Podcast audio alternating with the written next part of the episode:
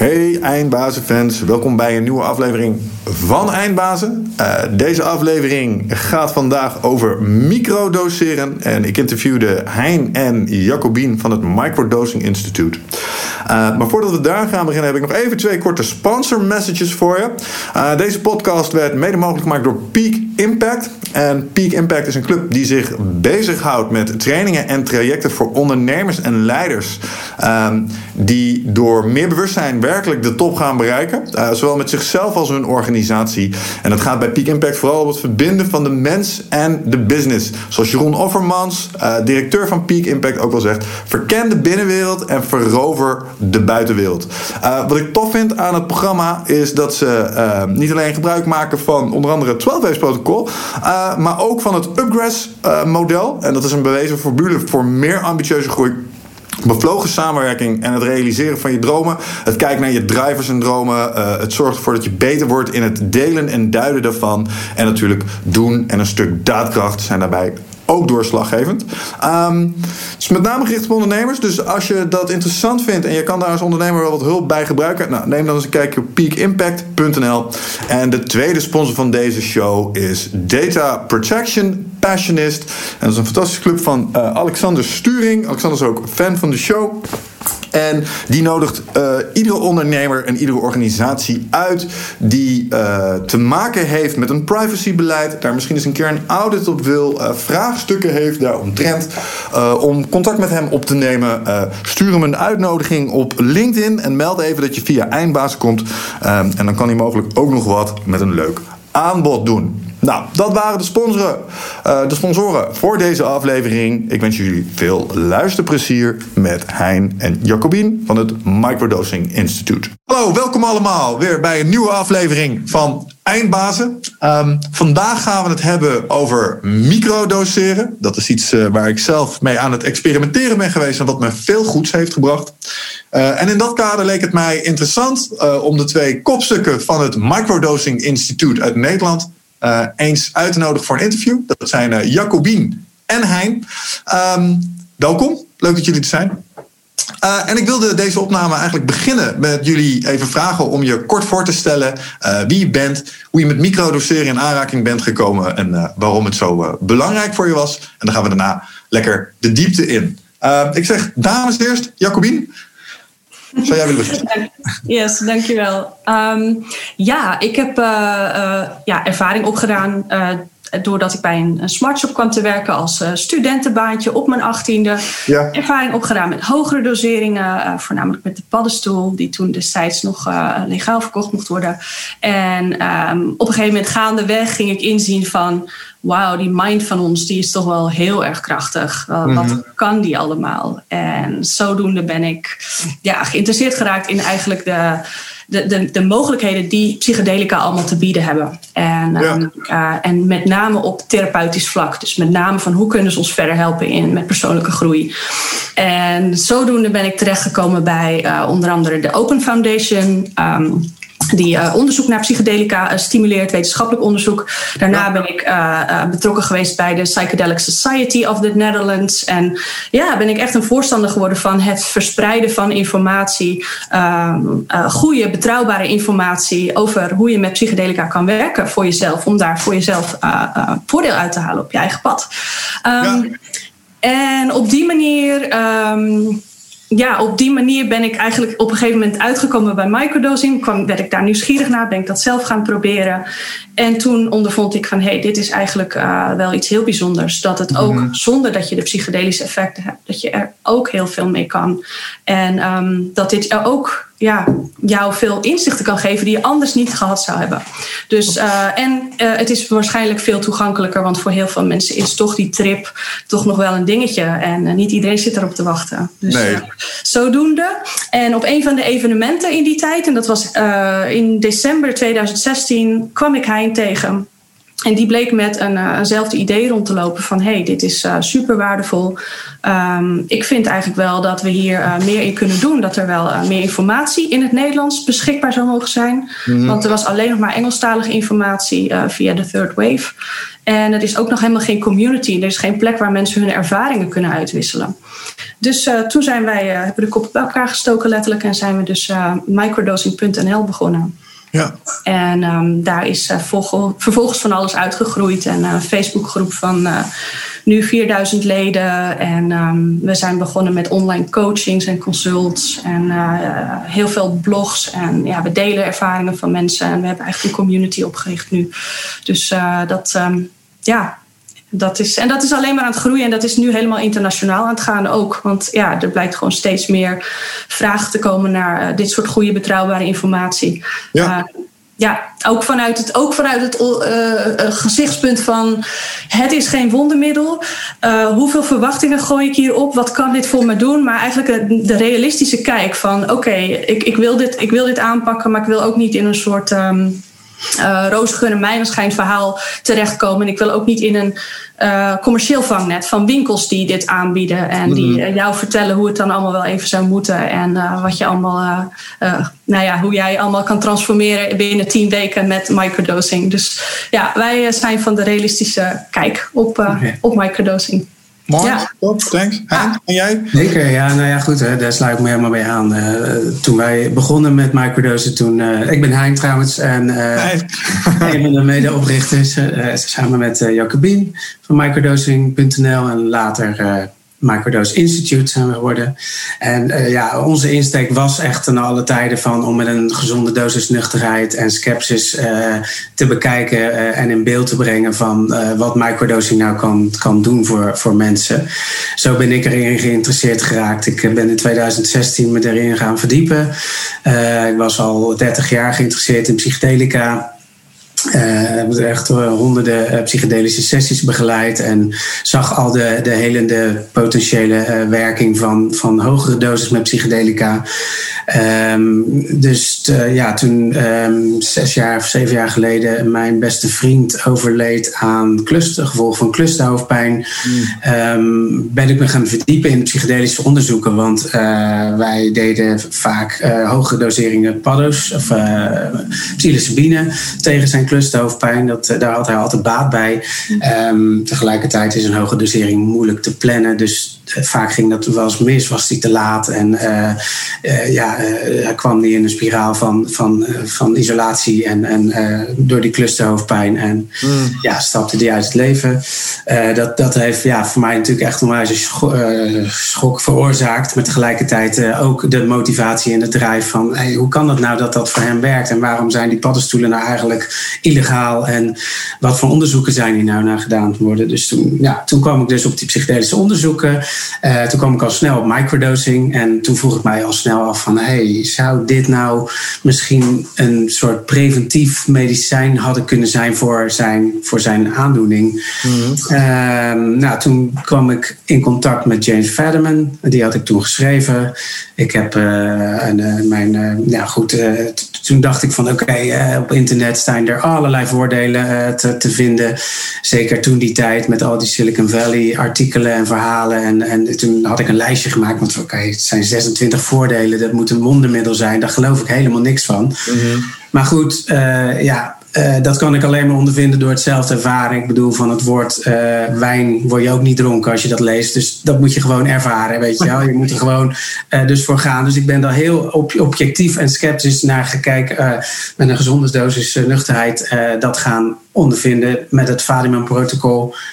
En uh, ja, daaruit kwam er toch wel een uh, soort kleine innerlijke revolutie bijna, bijna boven. Hè, bepaald uitstelgedrag werd verminderd. Ik, uh, ik was product, proactiever. wel trouwens met de dingen die ik echt zelf leuk vind. Dus mijn vrouw moet altijd lachen als ik dit zeg. Want die zegt altijd van nou, in het huishouden doe je nog steeds helemaal niet zoveel. Dus, um, maar goed, dat terzijde. En um, ja, ik merkte gewoon dat ik gezondere keuzes maakte. Dat ik wat bewust met mijn lichaam bezig was en uh, met eten, voeding en, en dat soort dingen. Dus um, Even kijken, was ik. En ja, toen, uh, toen kwam ik dus in aanraking met het microdose, maar met name ook met, met James Fadiman. Uh, toen kwam ik erachter via Paul Austin van de Third Wave, waar ik ook mee in contact stond toen de tijd. dat er een eerste microdose-event was, eigenlijk ter wereld bleek achteraf, maar dat hadden we toen nog niet door. georganiseerd door Jacobin en de Psychedelic Society of the Netherlands. Um, dus daar ging ik naartoe en toen heb ik haar leren kennen. En um, ook wel leuk om te vertellen is dat tijdens mijn eerste microdose uh, ervaring of uh, nam ik ietsjes te veel. Dus het was eerder een mini-dosis. Uh, maar ik had wel echt zoiets van: jeetje, dat, dat, dat zo'n kleine hoeveelheid al werkte. -hmm. dat ik de ingeving kreeg om alle domeinnamen te claimen die er waren van microdosing. Dus microdosering, microdose, microdosing.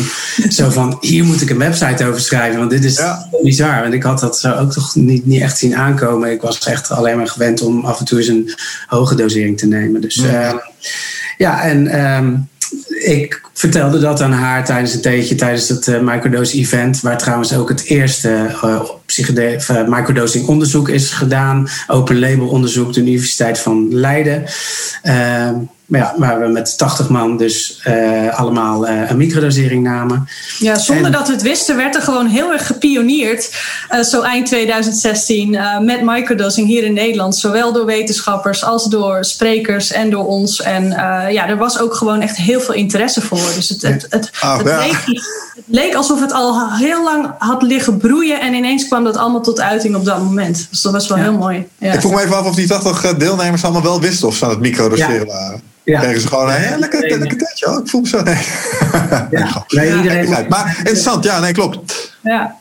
Iedereen mocht vrijwillig uh, kiezen of ze wel of niet deel wilden nemen aan het onderzoek. Dus uiteindelijk van de 80 waren er 50 die meededen en 38 uiteindelijk waar ze dus uh, wat aan hadden aan de resultaten. Dus ja. we, we, moesten testjes doen voor, voor, dat zij, dat voor inname en na inname dezelfde soort testjes. En daar kwam uit naar voren dat er verbetering optrad voor convergent denken en divergent denken.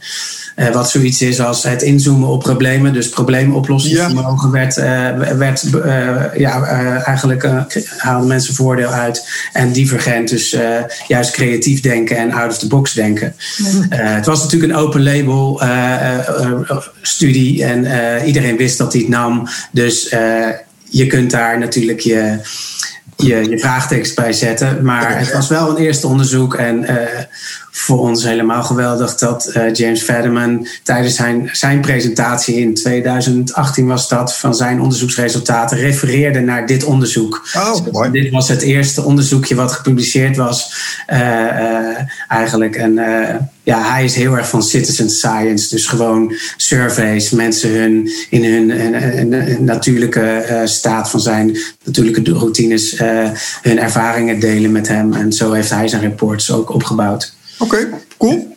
Ja, ik wil straks eventjes op, uh, op James inzoomen. Maar misschien ook wel even op Paul Stamets. Lijkt me ook interessant, want die mag in dit kader denk ik ook niet ontbreken. Um, maar ik zou ook graag even terug willen naar de basis. want we moeten niet vergeten, we zitten met z'n drieën, hebben we hier iets ervaring mee. Maar we hebben ook luisteraars die horen misschien vandaag voor het eerst van microdoseren. En die zullen nu misschien, waar gaat dit over? Wat zijn die mensen aan het doen?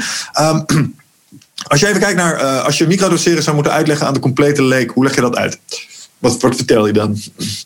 Um, ja, er is een, een, een, vrij simpele definitie met verschillende stukjes. En dat wil eigenlijk zeggen dat je dus een, um, op regelmatige basis een hele lage dosering van een klassiek psychedelicum inneemt. En dat wil zeggen uh, een twintigste tot een tiende van een normale recreationele dosis. Mm -hmm. En zonder dat je daar dus uh, psychedelische effecten van ervaart. En je doet dat dus volgens een schema, volgens een doseerschema. Ja. Um, en je kunt in je normale dagelijks leven dus eigenlijk volledig normaal functioneren. Um, ja. En als resultaat daarvan ervaren mensen dus uh, ja, een stukje extra enhancement, zou je kunnen zeggen. Uh, dus over het algemeen een veel betere stemming, meer positiviteit. Uh, en ook veel meer focus en aandacht en aanwezigheid in het nu. Waardoor ja. dus werken, productiviteit in de flow zijn, creatief zijn allemaal uh, makkelijker wordt, allemaal iets meer vanzelf lijkt te gaan. Ja, Ja, en, ja, vandaar is het op die manier is het ook begonnen, of althans, zo wordt het nu vaak gezegd, het is begonnen in Silicon Valley. Uh, omdat daar gewoon eigenlijk uh, als eerste groepen mensen hier echt in geïnteresseerd waren. En ja, nog creatiever wilden zijn in hun werk en nog meer gedaan wilden krijgen. En uh, in Californië staan ze sowieso open voor, voor dit soort dingen. Dus daar is dat eigenlijk begonnen. En ja, dat is vervolgens verspreid over de wereld. Ook heel erg via de media. En zodoende zijn mm. nu mensen geïnteresseerd geraakt om dit ook eens te proberen. Ja. dat is natuurlijk sensationeel. Hè? Silicon Valley gebruikt iedereen LSD. En dan denk je, wat, we hebben het hier over? LSD for breakfast, uh, dat uh, is de krantenkop. ja. En ik snap het. Uh, het, was wel, het was wel daar, al daarvoor begonnen. Hè? Dus James Fadiman is in 2010 uh, aan de hand van uh, zijn boek Psychedelics Explorers Guide, waar één hoofdstuk in staat over microdosing. Mm Dat hij dan weer, we komen er daar misschien nog op terug, maar in ieder geval, hij was dus daar al mee bezig. Hij had zijn, zijn volgers al gevraagd van, joh, uh, neem nou dat is volgens het Federman Protocol, een research protocol. En, en kijk nou eens, rapporteer nou eens naar mij wat jullie ervaren. Heel ja. open. En toen is dat opgepikt door Rolling Stone. En die hebben toen inderdaad uh, een iemand, eigenlijk, weet dat, een column geschreven over iemand die in Silicon Valley dit deed en dus het voordeel ervaarde. En toen is dat balletje echt gaan rollen in 2015. Ja, ja. ik kreeg bij, bij microdoseren, toen ik het voor de eerste keer mee in aanraking kwam, moest ik eigenlijk direct denken aan. ik zag het direct als een soort eigenlijk supplementatie. Dus uh, wij hebben Nutrofit, supplementenwebshop. En verkopen dingen als Alpha Brain, beloof meer cognitief vermogen. Dus was voor mij super logisch uh, dat er zoiets zou bestaan. En dat er misschien ook wel uh, waarde zat in bijvoorbeeld inderdaad psychedelische middelen. Dus dingen die een psychoactief effect hebben. vanuit het perspectief, en dat vond ik zo interessant eraan, dat, dat ze het deden als performance enhancer. Dus meer creativiteit, meer focus, minder uitstelgedrag. gewoon meer voor elkaar krijgen. Um, it made perfect sense. Maar, maar wat ik vervolgens dan uh, verbazingwekkend eraan vond. Um, nou, en eigenlijk ook weer niet, want ik wist natuurlijk al wat vanuit mijn eigen ervaring wat dingen als ayahuasca uh, konden. Um, maar dat het ook zo helpt bij bijvoorbeeld moeilijke gedachten of depressies of weet je wel, angststoornissen. Dat is een van de dingen die ik er zelf aan ondervonden heb. Ik vond vooral het begin van COVID echt super spannend. Nou, en toen ben ik op een gegeven moment gaan microdoseren. Toen merkte ik toch dat ik daar een andere houding in begon te pakken. En ik begon iets meer uit te zoomen. En het stukje bang voor dood zijn werd gewoon weer eventjes wat in het perspectief geplaatst of zo. En ik had niet helemaal alleen toewijden aan microdoseren. Maar dat heeft het proces zeker ondersteund. Dus voor mij was het super logisch om dat te zien als een soort uh, volgende stap bijna in, het, in de supplementenwereld. Uh, en ik vind het wel mooi dat het populair is gemaakt door de IT. Want dat gaf het misschien. Ik ben benieuwd hoe jullie daar tegen aankijken. Misschien was dat ook wel het stukje credibility dat het nodig had om vanuit het stigma uh, psychedelische middelen, zoals ik het vroeger heb meegekregen, drugs bad, weet je wel? Drugs bad, oké, okay. moet je niet aanzitten. Um, en ik denk dat, dat als een, een aantal van die tech-entrepreneurs, uh, die worden geassocieerd met succes en dingen voor elkaar krijgen en de toekomst, plots zeggen, ja, maar wij gebruiken dat gewoon. Uh, dat de gemiddelde burger dan ineens denkt, oh, nou, dan is het misschien voor ons ook niet zo slecht. Hoe hebben jullie dat ervaren? Ja, we hebben het tweeledig uh, ontvangen en ervaren. Uh, aan de ene kant uh, zeker goed, hè, bepaalde credibility en, en er werd over gesproken. En dat, dat is, was altijd een van mijn soort verborgen agenda's, dat, dat het psychedelica aan zich besproken hoort te worden en microdosing daar een fantastisch soort Trojaans paard is die, die, uh, die, die in, de, in de maatschappij gerold wordt van hé, hey, hier moeten we het over hebben. Wat, wat mm. is dit? Mensen zien het als een voedingssupplement. Uh, dus het werd zeker uh, door de, de, Silicon Valley artikelen en verhalen werd dat um, ja, meer opgepikt en, en dat mensen er meer begrip voor kregen. Tegelijkertijd, en dat zien we dus in onze Facebookgroep en onze community, is dat uh, daar waar het aanvankelijk soort van voor gebruikt werd, hè, voor prestatieverhogend en voor op werk en, en, en uh, uh, dat, dat heel veel mensen het daar eigenlijk helemaal niet voor gebruiken. Het is eerder een soort bijproduct dat je misschien beter presteert op werk, maar het is natuurlijk zo, het is niet een doel op zich. Weet je wel? Als mensen zich lekker in, in vel voelen zitten, dan ga je ook beter presteren op je werk. Of misschien ga je wel weg bij je werk, maar dat is niet terzijde. Dus het is wel, we zien gewoon dat, dat, dat, dat 80% eigenlijk het voor persoonlijke groei en ontwikkeling doet. En, en uh, tegen depressieve klachten en medische, voor medische doeleinden.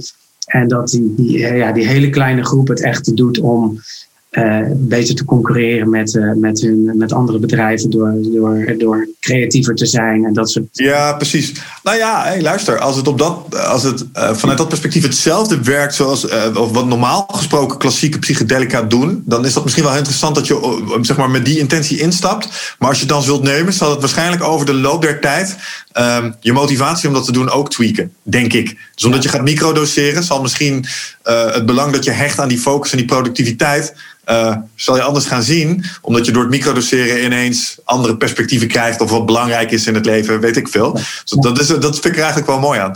Ja. Dus het lok je en dan ondertussen verandert je en dan ja, ja. er beter uit.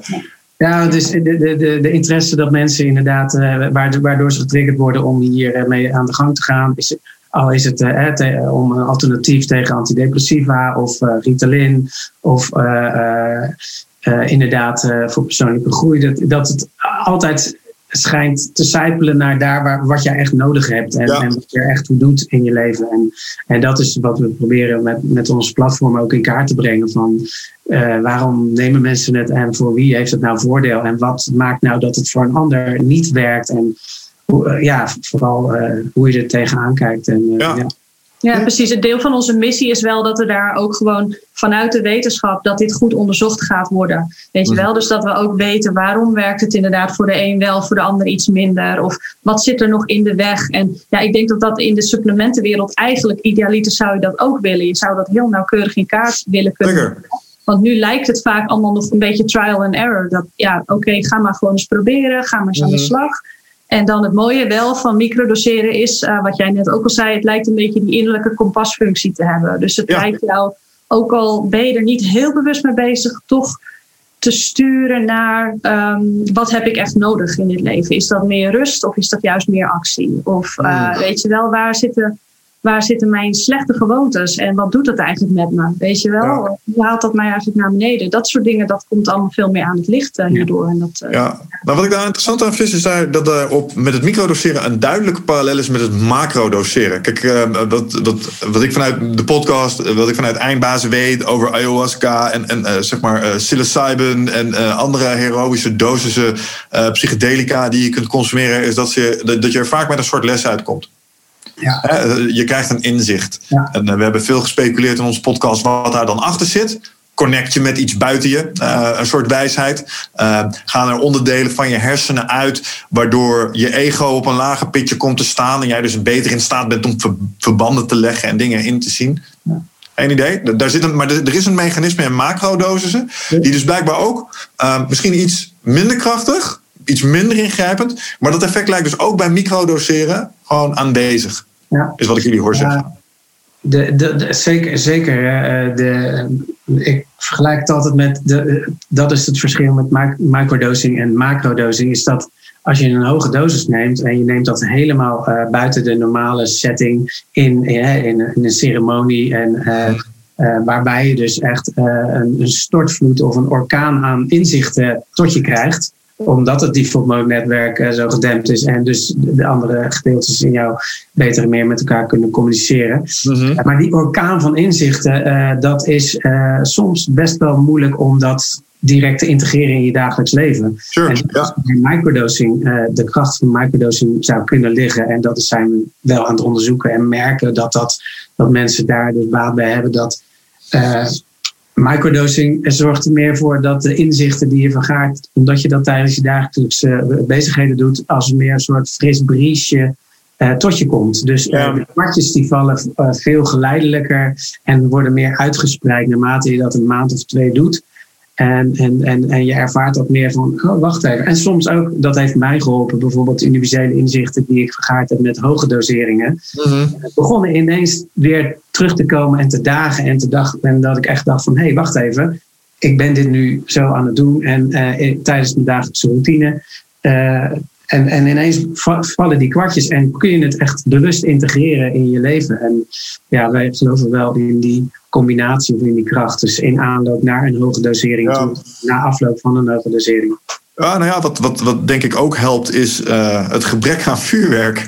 Ik bedoel, eh, een hoge, een heroïsche dosis van X um, gaat vaak ook gepaard, um, zeker de wat extremere psychedelica, met visuals, uh, patronen, geometrische dingen die je ziet, die misschien ook wel een klein beetje kunnen afleiden misschien van de, de lessen die je leert. Want als ik terugdenk aan mijn ceremonies, fantastische inzichten gehad. Maar ik denk ook terug aan het vuurwerk wat, ik, uh, wat ze me lieten zien, zeg maar, het spektakel ervan. En misschien heeft dat de inzichten wel meer kracht gegeven.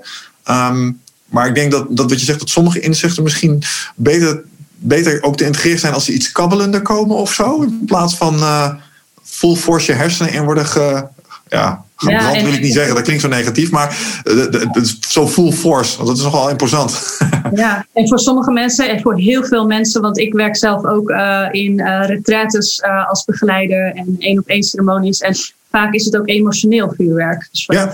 gaan ze een ontzettende ja, behoorlijk deep dive in hun eigen emoties en in hun eigen, wat ze allemaal hebben meegemaakt in hun leven en wat dat allemaal heeft achtergelaten voor sporen. Mm-hmm. Dat is natuurlijk ook iets waar je dan eigenlijk vervolgens nog een beetje verder doorheen moet werken. En dus kijken, oké, wat is dit nou eigenlijk allemaal? En hoe, ja. maar, maar ook vaak een heel veel bevrijding. Dus ik, ik denk dat je dat uit de ayahuasca ook wel herkent, dat het ook een stuk bevrijding is van het, het soort van het losmaken jezelf losmaken van al die ballast die je met je meedroeg. En, Jazeker, ja. Dus dat, in die zin ben ik ook wel echt een, een best wel groot voorstander van de macrodoseringen.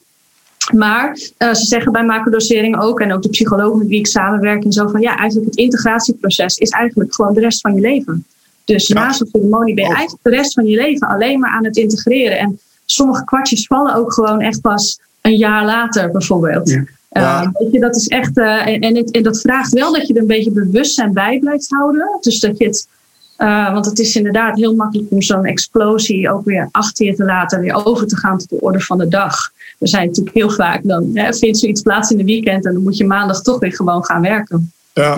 ja, of misschien op zoek gaan naar de sensatie van de volgende explosie. Dat is ook wel iets wat ik daarin heb gadegeslagen. Maar dat, was mijn, eh, dat is misschien wel mijn uh, grootste bezwaar tegen hoe het nu uh, wordt. Die macrodoseringen, psilocybin of ayahuasca of wat het ook maar is, wordt vormgegeven in Nederland. Dus dat het nog een klein beetje ja, door de wetgeving in het uh, grijze segment zit. En wat, er, wat we daardoor mislopen is de kans om mensen na zo'n ceremonie te begeleiden. Snap je? Want dat, dat is waar ik op sommige onderdelen.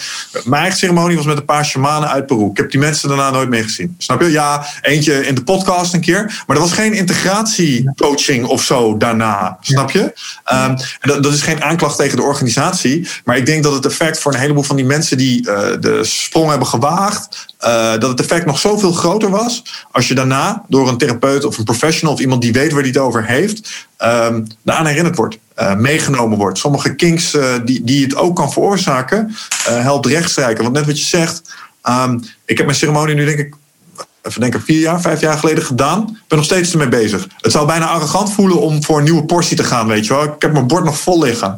Um, dus dat, inderdaad, daar kan iets uitkomen voor de rest, waar je de rest van je leven lekker mee mag stoeien. Ja, ik, ik vind het heel mooi om daar nog even bij stil te staan. Ik denk dat het echt een heel cruciaal punt is. Want mensen denken heel snel van, oh, ik heb zoveel gekregen. Maar nu ben ik op dit pad van healing met moeder ayahuasca of met welk ander middel dan ook. En inderdaad, nu zou ik verder moeten gaan op dit pad. En nu krijg ik vast, ik krijg vast nog meer als ik uh, voor een nieuwe ceremonie ga. Terwijl ja. ja. eigenlijk, en ook in nou, het wereldje waarin ik me dan uh, begeef, is het juist van nee, maar jij bent degene die het werk doet. En, en jij bent degene die ook midden in het leven wil blijven staan.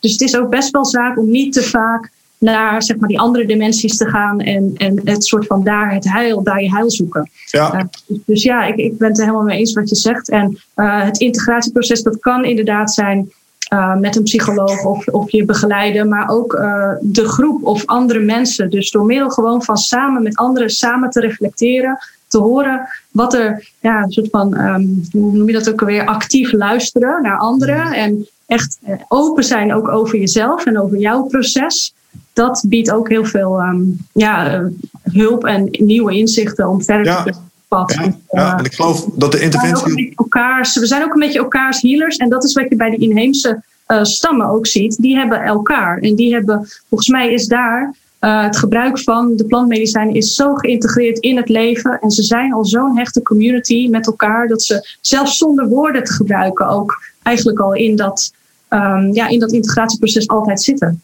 Ja, nou ja, als je, ik, ik weet het boek Op zoek naar antwoorden van Wicht Meerman hebben gelezen. Ordinaire plug voor mijn Mattie, compagnon co Ja, die, die heeft daar natuurlijk over geschreven. Ik bedoel, die is 40 dagen bij die mensen geweest. Heeft daar een aantal rituelen gedaan. En dat is ook exact wat hij omschrijft. Is dat uh, die groep die helpt elkaar. En, maar, die gaan ook zo regelmatig de ceremonies door... dat die eigenlijk niet zoveel uh, rotzooi op te ruimen hebben daar. En, en de gemiddelde ja, ik kan me nog herinneren dat die shamaan bij ons toen zei van...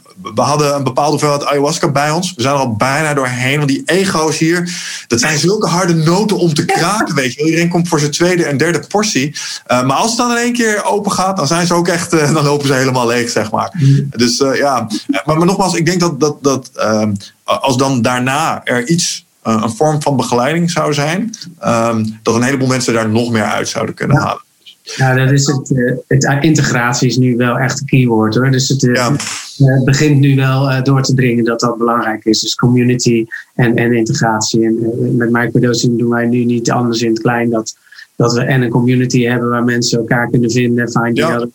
En het, ja, we werken met een psychotherapeut en een traumatherapeut. En dus ja, ook uh, psychedelische integratie doen. En ja, zo, zo uh, spelen we in op, op, die, op die vraag van, uh, en, en de behoefte. Want dat, dat, is, hè, dat is waarom mensen vaak teruggaan naar dat vuurwerk en elke keer maar weer zo'n ceremonie doen. Is dat omdat ze het niet integreren. Ik heb dat zelf ervaren met het lezen van spirituele boeken.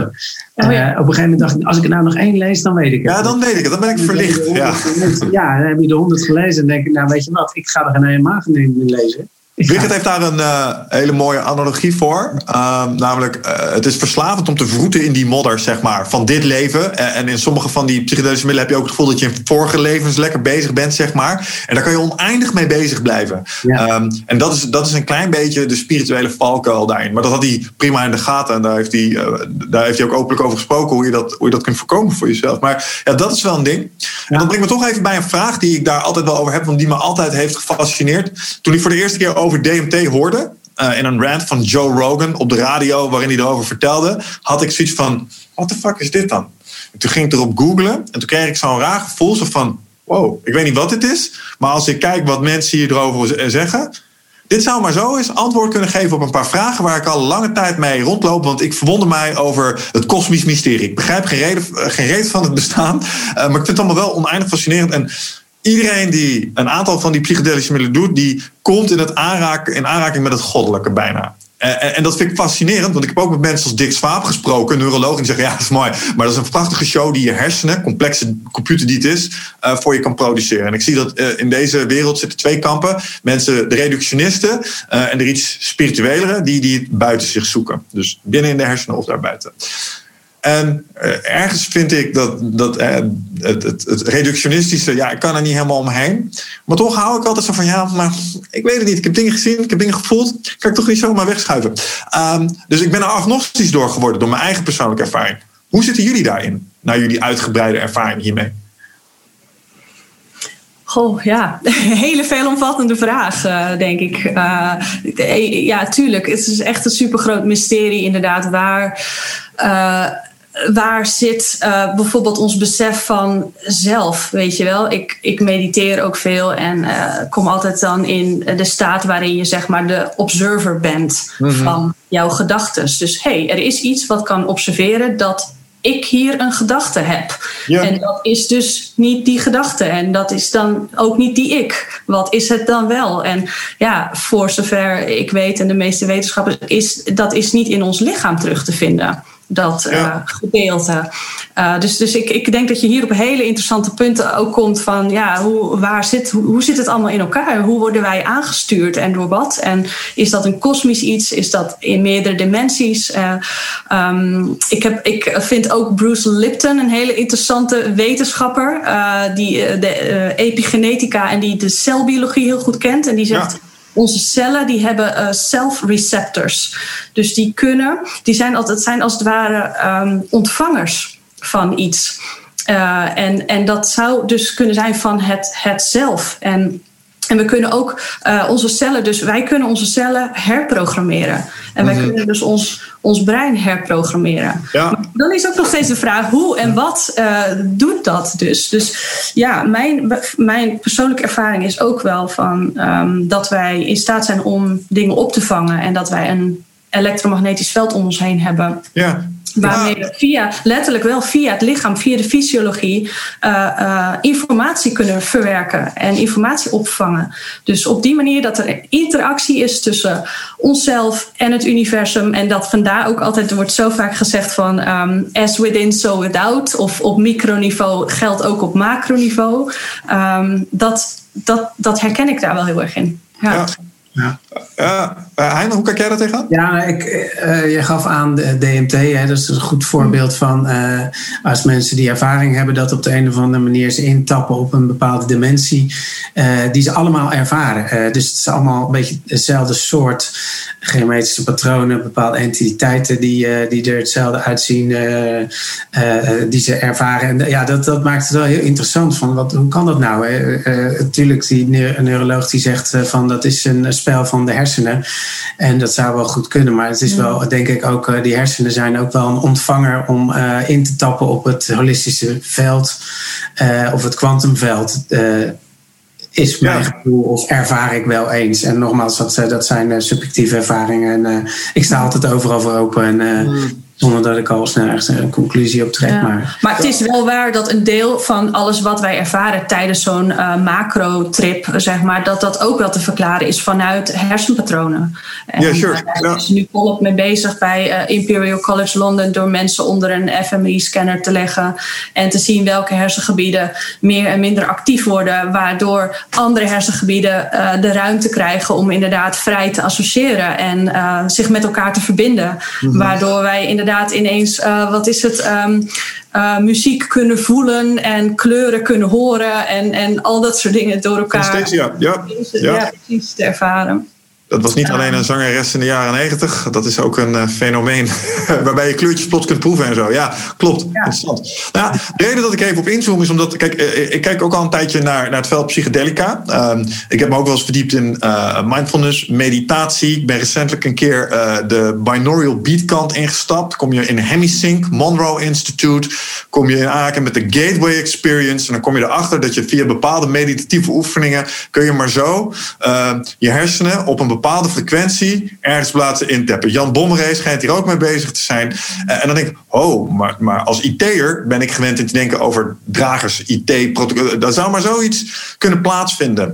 Um, en als ik dat dan ook, en dan gaan we even terug naar de psychedelica, dan aanhoud tegen iets als waar een Paul Stamets mij op wees. Bijvoorbeeld het bestaan van iets als een mycelium network. Dus, dus een, hè, een groot netwerk in aarde dat eigenlijk overal onderdoor loopt, dat alles aan elkaar lijkt te verbinden. En als moeder natuur een internet zou hebben, dan zou dat het zijn. Dat is een netwerk waarover bomen met elkaar praten uh, en planten informatie met elkaar uitwisselen. Iets wat ik niet wist wat ze konden, uh, maar waar Stamets um, en. Um, ach, hoe heet hij nou, de beste man die uh, Michael Pollen het onder andere ook over hebben gehad. En toen dacht ik, hmm, als ik die dingen gezamenlijk beschouw. Um, zou het dan kunnen zijn dat je toch op dingen kunt intappen, misschien? Um, omdat die, die, die ervaring, die subjectieve ervaring die mensen hebben, die fascineert mij. Dat je zo ineens in een andere wereld kunt zijn en dat er, zo, dat er contact is met iets entiteiten. En ik dacht dat ja, dat zijn hersenspinsels. Totdat ik The Nexus Project, ik weet niet of jullie dat kennen, um, tegenkwam. En dat, dat is gewoon oprecht uh, het in kaart brengen van alle entiteiten die in psychedelische realms uh, geëncounterd worden. Sterker nog, ze hebben nu een stukje technologie ontwikkeld waarmee ze met een infuusdrip langere periodes van tijd onder invloed van DMT in die mindspace kunnen zijn om hem te verkennen. Met andere woorden, ze willen hem in kaart gaan brengen omdat het zo echt voelt. En, en daar, daar zit voor mij het mysterie, zeg maar. Ik kan er helemaal bij dat dat misschien vanuit de hersenen wordt gegenereerd. Want prachtig apparaat, echt oneindig complex. Het meest complexe ding wat we kennen. Ja. Ja. Maar, maar die variabelen allemaal bij elkaar, waar ik het net over had, denk ik, ja, I don't know man, misschien we hadden de psychonauten gelijk. En dus ook als je de kosmos te kennen. Ja, en als je ook vraagt van waar komt het vandaan? Uh, Rupert Sheldrake heeft hier ook nog een hele mooie theorie over. Um, als je, en dat, dat komt een, een, beetje in de buurt van de collective unconscious. Morphic dus, resonance. Ja, ja precies. Ja, ja, ja, ja, ik ken het. Ja. ja, hij zegt dus ook dat bijvoorbeeld, een, nou, als je het hebt bijvoorbeeld over de ayahuasca of een bepaalde psychedelische substantie en jij gaat dat nemen, dan is de kans vrij groot dat je uh, een jaguar tegenkomt of een anaconda of een dier uit de jungle. Mm Dat uh, al die, die hele geschiedenis van het gebruik van dat middel komt als het ware mee. Die is als het ware, daar is een veld omheen gecreëerd. En dat komt als het ware, jij komt daarmee in aanraking. Je krijgt daar toegang toe op het moment dat jij het in je hebt en het begint te werken. Weet mhm. je wel? En daarom is het ook dat mensen vaak met LSD vaak meer geometrische patronen zien. En dat bij MDMA komt er uh, meer een, een uh, ja, vrijheid en liefde en feest en genieten van het leven. En, en al dat soort dingen worden veel meer sterker worden meegedragen. En zo heeft iedere druk, als het ware, een, een geschiedenis. Ja, Iboga, voornamelijk Afrikaanse uh, invloeden. Ja, dat ik heb het ook gehoord. ik weet uh, niet of dit uh, terug te vinden is in, in onderzoek, kwalitatief of kwantitatief. Maar... Kijk, Ruben Selberg heeft als voorbeeld genomen dat ze, dat ze apen op een eiland waren aan het observeren. En een aap kwam erachter van, hé, hey, als ik een, een knol of een, een aardappel uh, afwas in het water, dan uh, zit er niet zoveel zand aan. En toen gingen ze het observeren op een ander eiland en toen bleek ze in één keer hetzelfde te doen. En toen kwamen ze erachter van, hé, hey, zou er dan een morfogenetisch veld, noemde hij dat, uh, zijn, dat als eenmaal iets is uitgevonden, zoals een piramide. Hè, en dat in één keer over heel de wereld piramides zijn. Of een, het, het, wassen van een aardappel en dat is die apen daarin kunnen tappen in dat veld. Uh, en dat, dus, ja, dat ze dus die informatie kunnen aftappen. Ja, ja, de, uh, ja goed. Ligt wel in lijn met een aantal uh, oude, oude filosofieën. Hè? Ik bedoel, dit zijn oude concepten. Ik, ik vergeet de naam altijd, maar de hm, hm, archives noemen ze dat. Uh, ja. Archives, daar zit alle kennis die ooit is opgedaan, die wordt daar soort van opgeslagen. Akashic Records, Akashic Records volgens mij. Die bedoelde ik, juist, juist.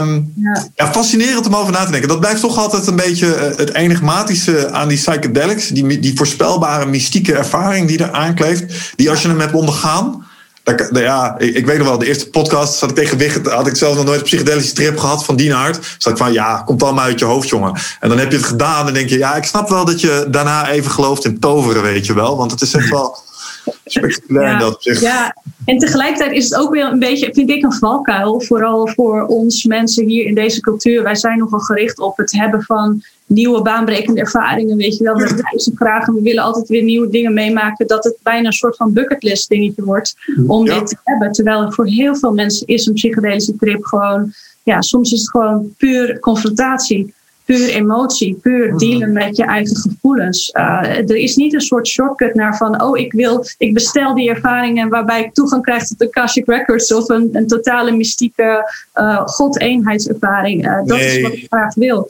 Dat zou heel mooi zijn, maar blijkbaar zit er toch een soort, heeft het ook ik denk uh, dat het toch ook de natuur is of het grotere plan voor ons dat we krijgen wat we nodig hebben en niet wat mhm. we bestellen.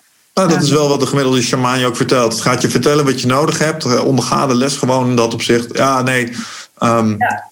Eh, duidelijk, duidelijk verhaal. Het is en, ik... om, lessen te leren, om ons lessen te leren en niet om ons uh, ja, nou ja, te vermaken dan weer. Ja. Zo.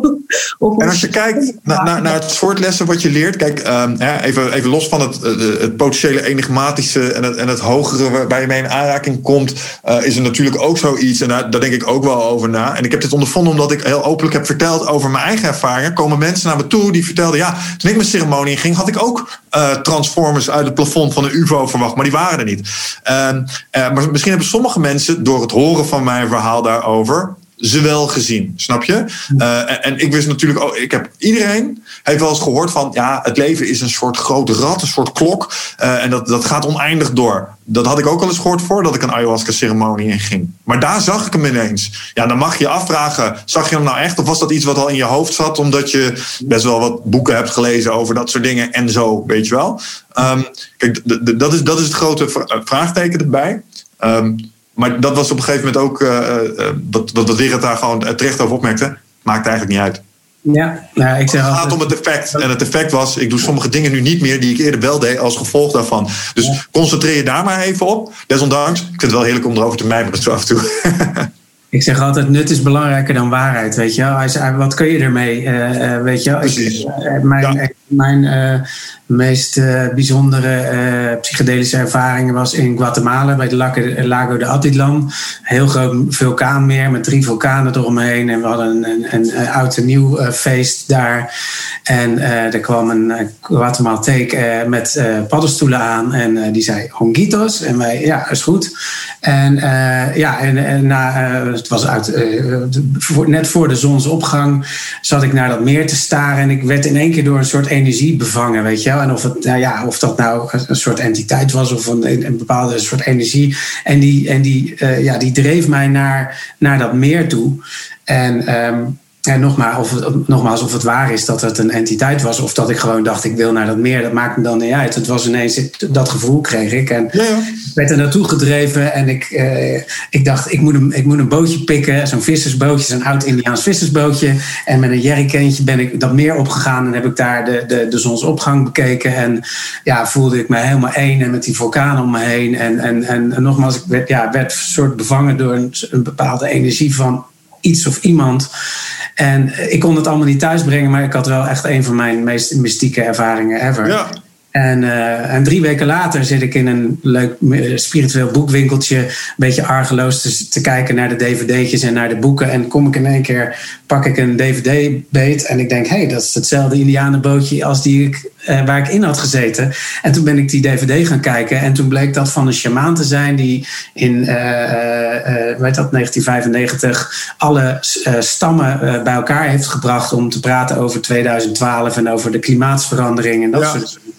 En ja, wat mij de, als nut uh, bij is gebleven, is dat ik het altijd heel erg fijn vind om, of in ieder geval uh, mijn gave is om mensen bij elkaar te brengen en mensen te verbinden. En ja, ik kreeg in één keer een soort van mijn missie door van, hey, wat bizar dat ik drie weken daarna exact hetzelfde bootje en ook nog eens vergeten te vertellen, exact hetzelfde meer was. En mhm. eh, alleen hij zat dus een ritueel te uiten, terwijl alle speedboten overdag langs hem heen gingen. En bij mij was het zonsopgang, dus er was helemaal niemand. Maar ik kreeg wel dat, uh, mijn missie door van ik moet mensen met elkaar verbinden en uh, mensen samenbrengen. In, in dit mhm. geval dus met ons platform. Dus ja, wat dat betreft zie ik het eh, van, ja, ook al is het een subjectieve ervaring die ik misschien niet helemaal uh, kan uh, uitleggen en doen. Het heeft mij wel gebracht waar ik nu ben en het heeft mij wel echt iets gebracht. Dus ja.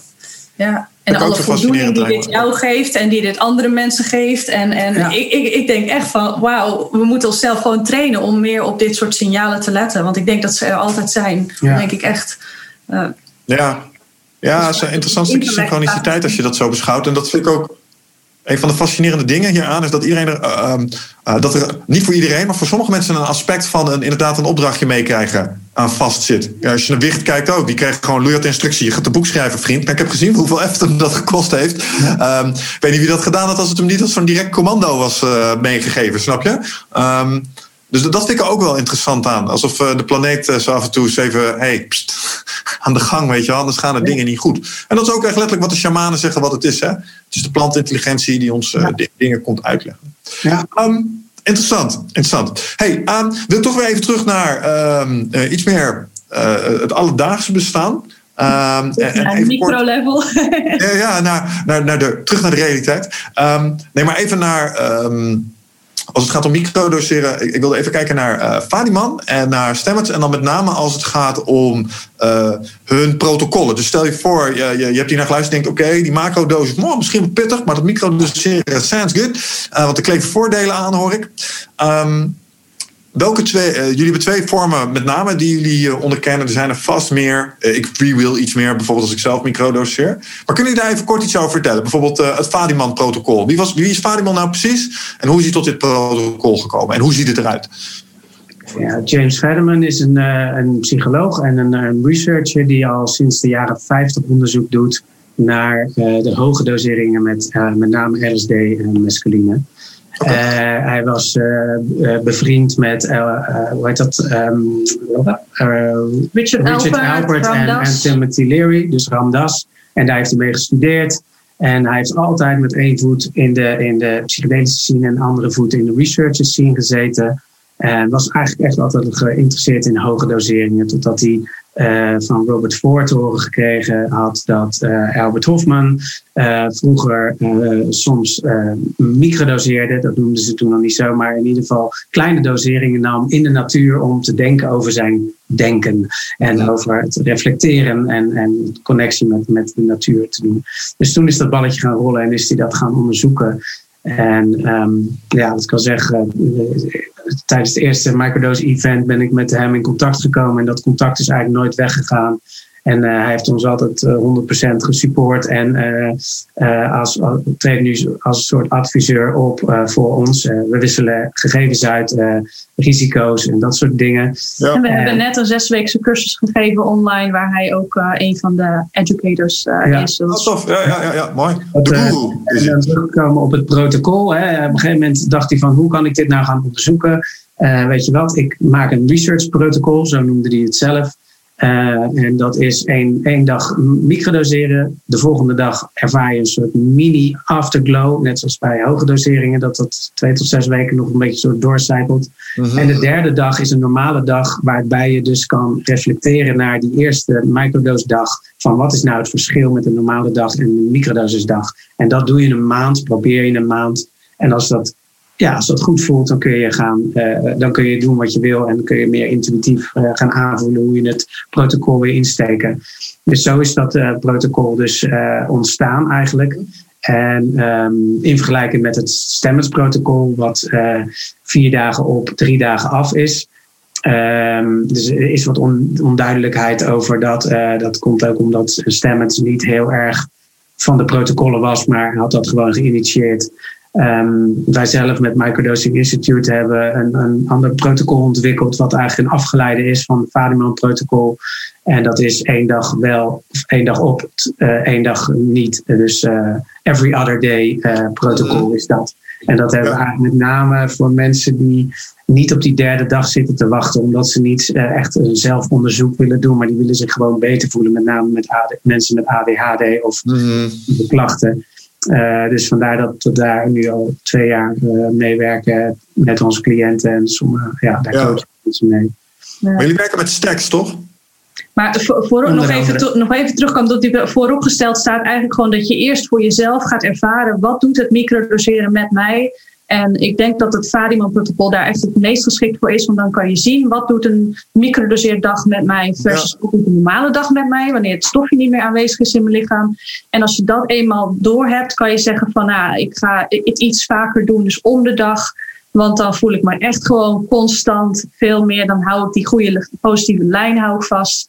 En Stamets, inderdaad, hij um, heeft vooral eigenlijk, hij is bekend geworden met het stacking, of althans in de microdoseringwereld, omdat hij voorstelde om uh, ja, eigenlijk een soort nootropic stack uh, te doen met uh, een klein beetje psilocybine. Dus dat kunnen truffels zijn hier in Nederland of magic mushrooms. Um, en dan lion's mane, een gewone dagelijkse portie lion's mane, wat een, een, functionele paddenstoel is, met hele goede effecten voor cognitie. Ja. En uh, mogelijk ook, uh, uh, ja, hoe noem je dat? Herstel, herstel van hersenschade en het voorkomen van Alzheimer. Het lijkt allemaal die kant op te gaan qua wat er nu over bekend is. Mm. En dan gecombineerd met vitamine B3 of niacine, wat zorgt dat het door de bloed-breinbarrière mm. gaat. Waardoor dus ja. ook daadwerkelijk bij je hersens terechtkomen, allemaal. dus, Fungeert als een soort taxichauffeur, die niacine. Ja omdat het uh, ja, de, uh, net even dat setje geeft uh, naar het uiteinde van, van je neuronen. En ja. ja. waar dus neuroplasticiteit. ja, ja, precies, inderdaad. De bevordering ja. van de neuroplasticiteit, wat eigenlijk gewoon is van het aanmaken van nieuwe verbindingen in je hersenen. En die vervolgens gaan trainen, waardoor je die nieuwe mogelijkheden en die nieuwe um, uh, gewoontes of de oude gewoontes afleren en nieuwe gewoontes daarvoor in de plaats, waardoor je dat uh, als het ware je nieuwe normaal gaat worden. Ja. Dat blijft het zo doorgaan. Het leren van nieuwe dingen valt er ook onder. Dus ja, ja super veelbelovend. Hij om de een of andere reden, en we hebben meerdere keren met hem gemaild en ook samen met Fadiman geprobeerd helderheid te krijgen van waarom is zijn protocol vier dagen op en drie dagen af. En uh, dat is nog steeds niet helemaal duidelijk. Uh, het, valt niet 100% te verklaren waarom hij dat um, ja, aanbeveelt. Dus, uh, en, en zelf hebben we het ervaren, tenminste ik heb het ervaren en ik vind het heel goed, heel fijn, maar het is ook best wel krachtig. Het is best wel heftig. Dus om vier dagen achter elkaar die sterk te nemen. Ja. Ja, dan denk ik, wow, van mij mag er wel even een dagje tussen. Ja. Hey eindbazenluisteraar, dankjewel dat je zit te luisteren naar deze podcast. Ik onderbreek hem eventjes voor een hele belangrijke boodschap. Of misschien liever gezegd een uitnodiging.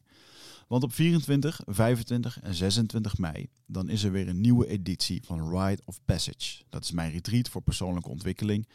En speciaal voor de mensen die op zoek zijn naar, ja, naar, naar helderheid. Of dat ze lastig bij hun gevoel kunnen komen. Dat ze moeilijke beslissingen moeten maken. En dat ze zo ontzettend in hun hoofd zitten.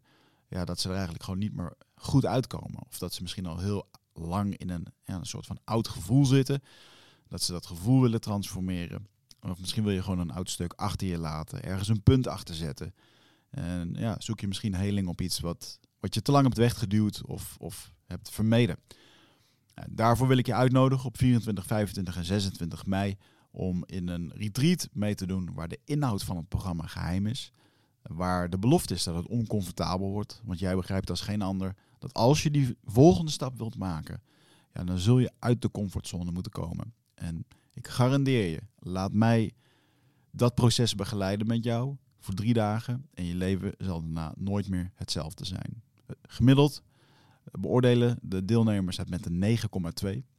En daar ben ik ontzettend trots op. Er is ook een money back guarantee. Heb je de drie dagen vol, volbracht en vind je het niks, krijg je gewoon je geld terug. Dus het enige risico wat er is, is dat je gelukkiger kan worden. Ik zie je Bride of Passage. Ga naar wichertmeerman.nl en klik op Retreat.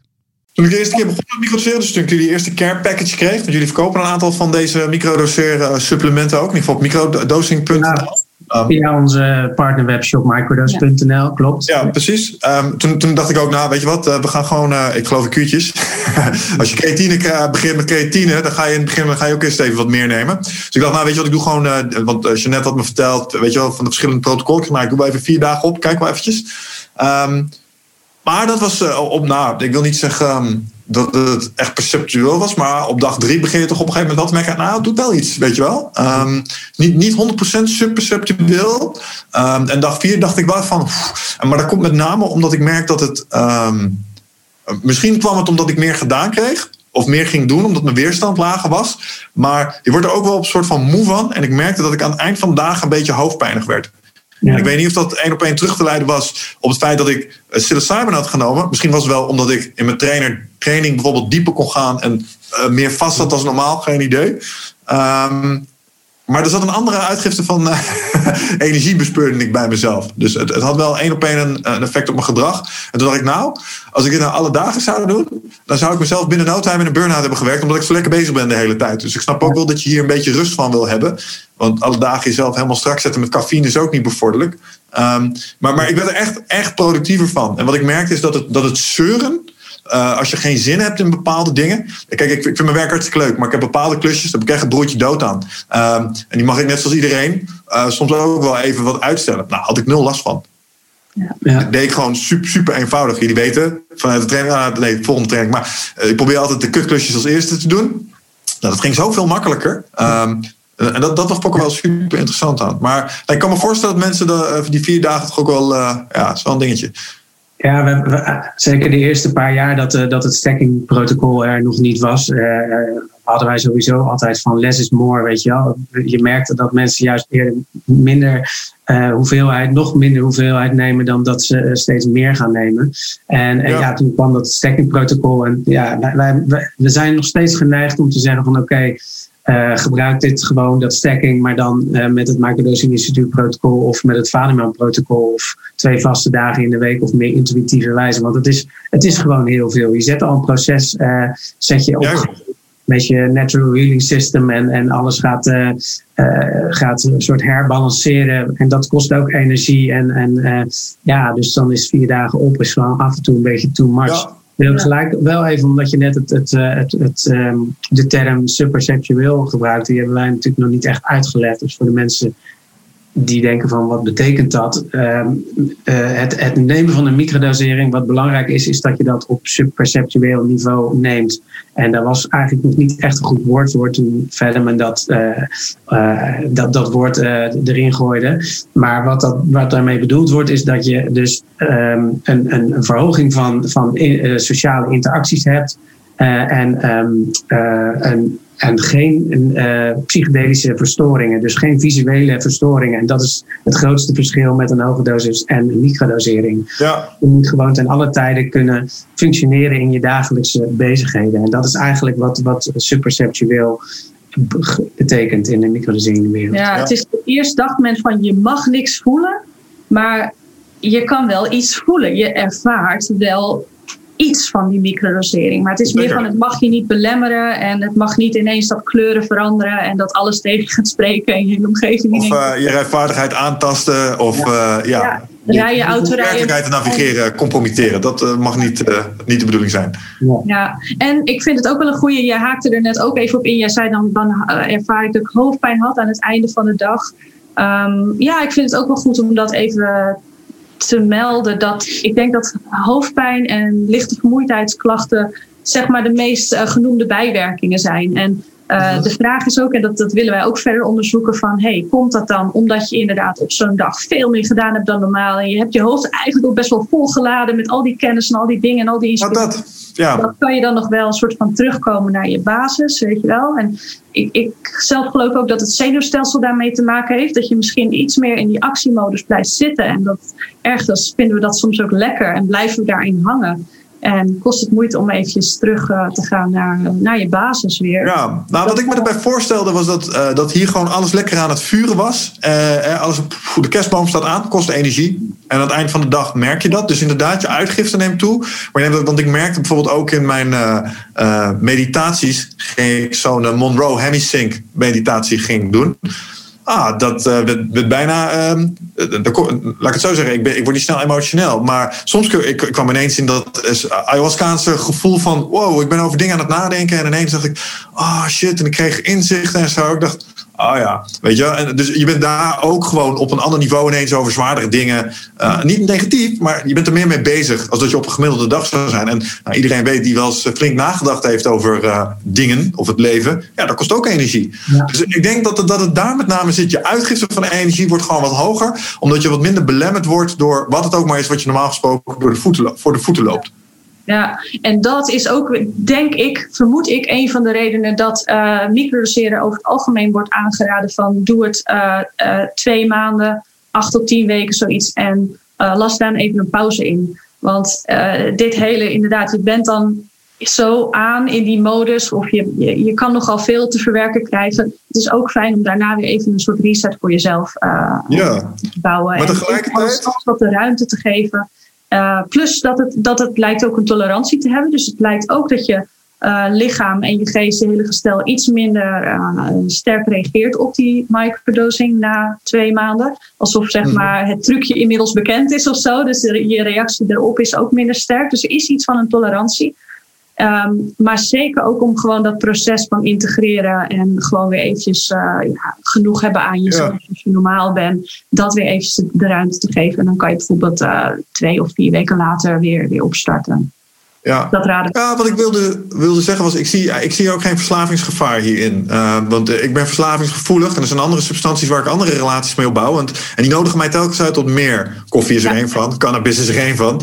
Uh, maar dat, dat, die neiging bespeur ik 100% niet hier. Ehm, want, want na drie, vier dagen heb ik zoiets goed zo. Weet je wel? Er is niks in je wat zegt, ah, oh, kom op, lekker, weet je wel. Ehm, nee, dat, dat is er niet. Ondanks dat het al die positieve effecten had waar ik het over had.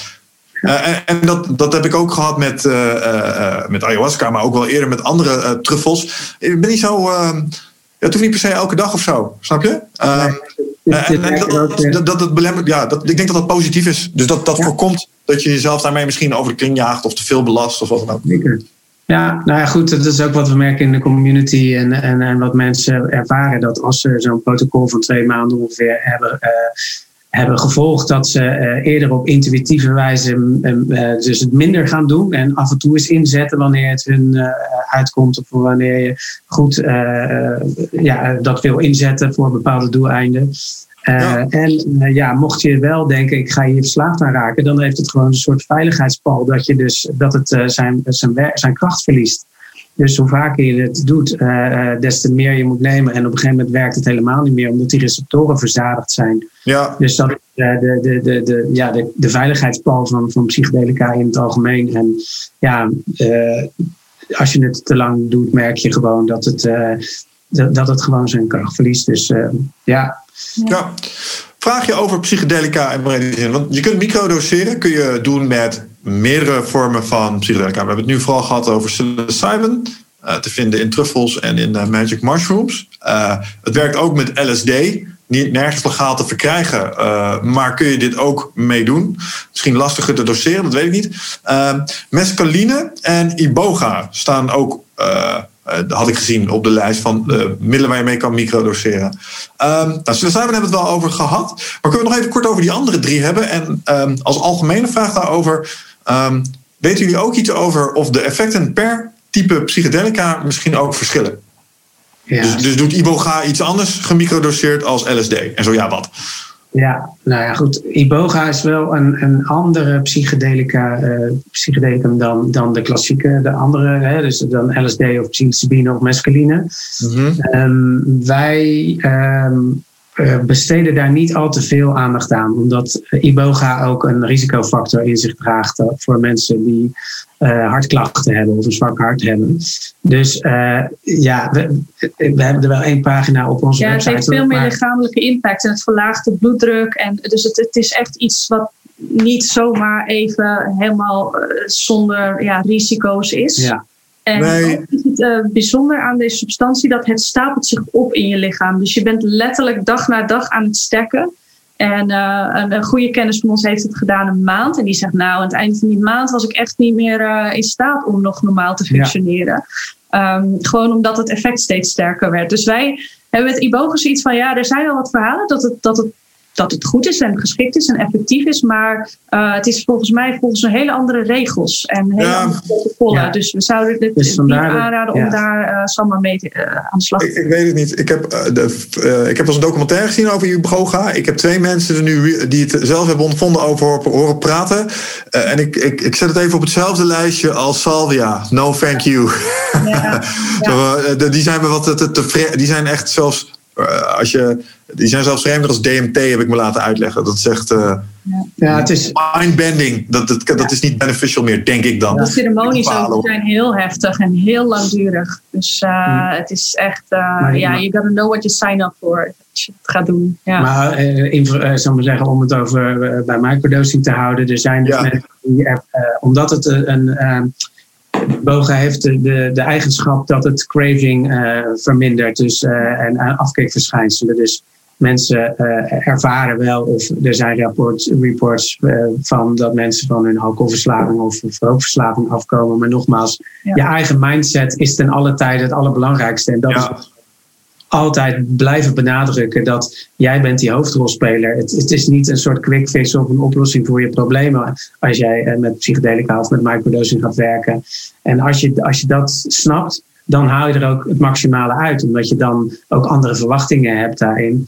En um, ja, nou, maar om terug te komen op de verschillende substanties, uh, iboga, um, ja, we laten het niet links liggen, maar we benadrukken het ook niet, omdat we weten, LSD is, uh, is niet verslavend, er gaan geen mensen aan dood, is zich, heeft zichzelf bewezen. Uh, en, en dat is met psilocybine ook. Dus uh, ja, we leggen daar meer de nadruk op. Duidelijk, ja. Mescaline ook hoor trouwens. Dus San Pedro is, is een cactus waar mescaline in zit, waar mensen mee microdoseren. En echt ook, ja, dat wordt, die substantie wordt ook al duizenden jaren door inheemse volkeren voor spirituele en religieuze doeleinden gebruikt en als medicijn ingezet. En ja, dat, dat is ook wel echt een hele interessante substantie om mee te microdoseren. Ja. ja. en als je het hebt over de verschillen tussen verschillende substanties, um, is het ten eerste heel sterk de associatie die mensen ermee hebben. Dus, uh, oh, het is een plantmedicijn, uh, die uh, San Pedro cactus uit de Andes en uit Mexico met een hele lange gebruikshistorie. Ook de paddenstoelen worden al sinds mensheugenis gebruikt. we weten niet precies hoe ver dat allemaal teruggaat, maar Uh, het komt uit de natuur, dus het zal je wel meer naar binnen doen keren. Het zal je wel meer uh, een organisch gevoel dat alles met elkaar verbonden is. Um, je emotionele kant iets meer uh, naar voren laten komen. Dat zijn allemaal ervaringen die mensen hebben, maar die in ieder geval ook zeker door die associatie worden geactiveerd, zou je kunnen zeggen. En LSD heeft dan iets meer de connotatie van, oh, het is een synthetisch middel, het komt uit een lab. Oh, uh, Silicon Valley verhalen, Steve Jobs schijnt het vaker gedaan te hebben. Oh, dat is dus meer het middel voor productiviteit en voor focus. En mm. ja, dan kan ik zeggen, ja, tuurlijk, is zo, want mensen rapporteren dat aan ons terug dat ze dat ervaren. Maar wat als je het zou omdraaien? En als je bij jezelf, en ik heb dat experiment echt vaak gedaan, van wat als jouw intentie voor jouw dag is, terwijl je microdoseert met een van die middelen, uh, uh, van, oh, vandaag wil ik juist focussen met de truffels of de paddenstoelen, werkt ook hartstikke goed. Ja, oh, ik wil meer emotioneel en ik wil meer connecten op basis van LSD.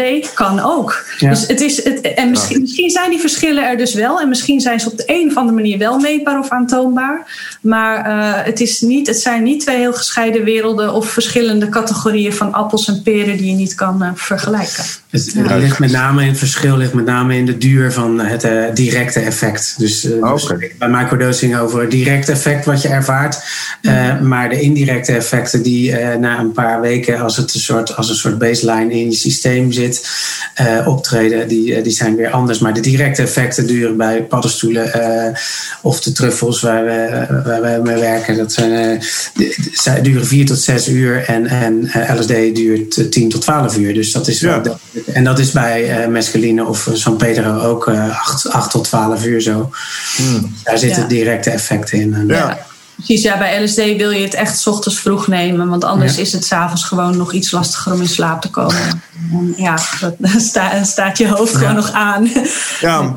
ja. wat ik eigenlijk hoor zeggen is dat het dus een soort. Uh, dat klinkt negatief, maar intentievervuiling kan plaatsvinden omdat je een bias hebt op wat een, specifiek psychedelic doet.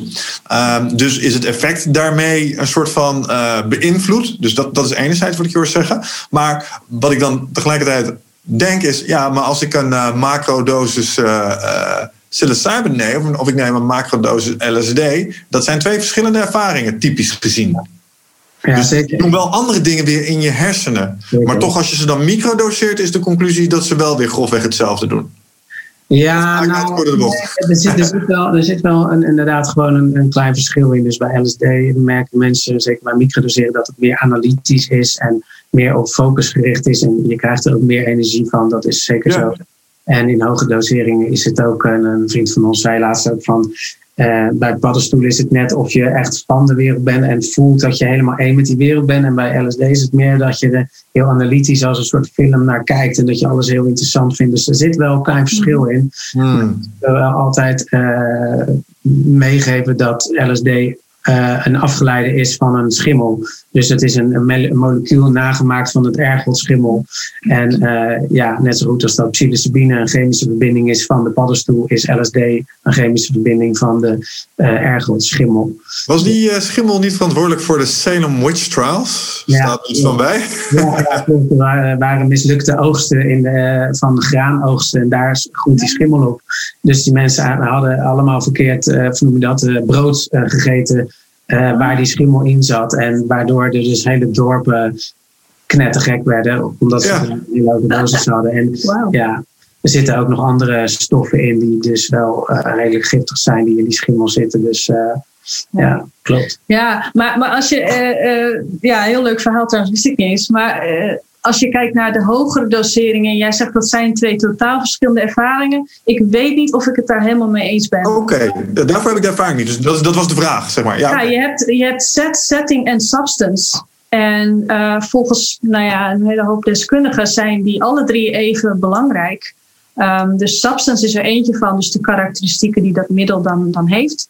Um, je set is je mindset, dus hoe, hoe sta jij erin? Wat speelt er op dat moment in je leven?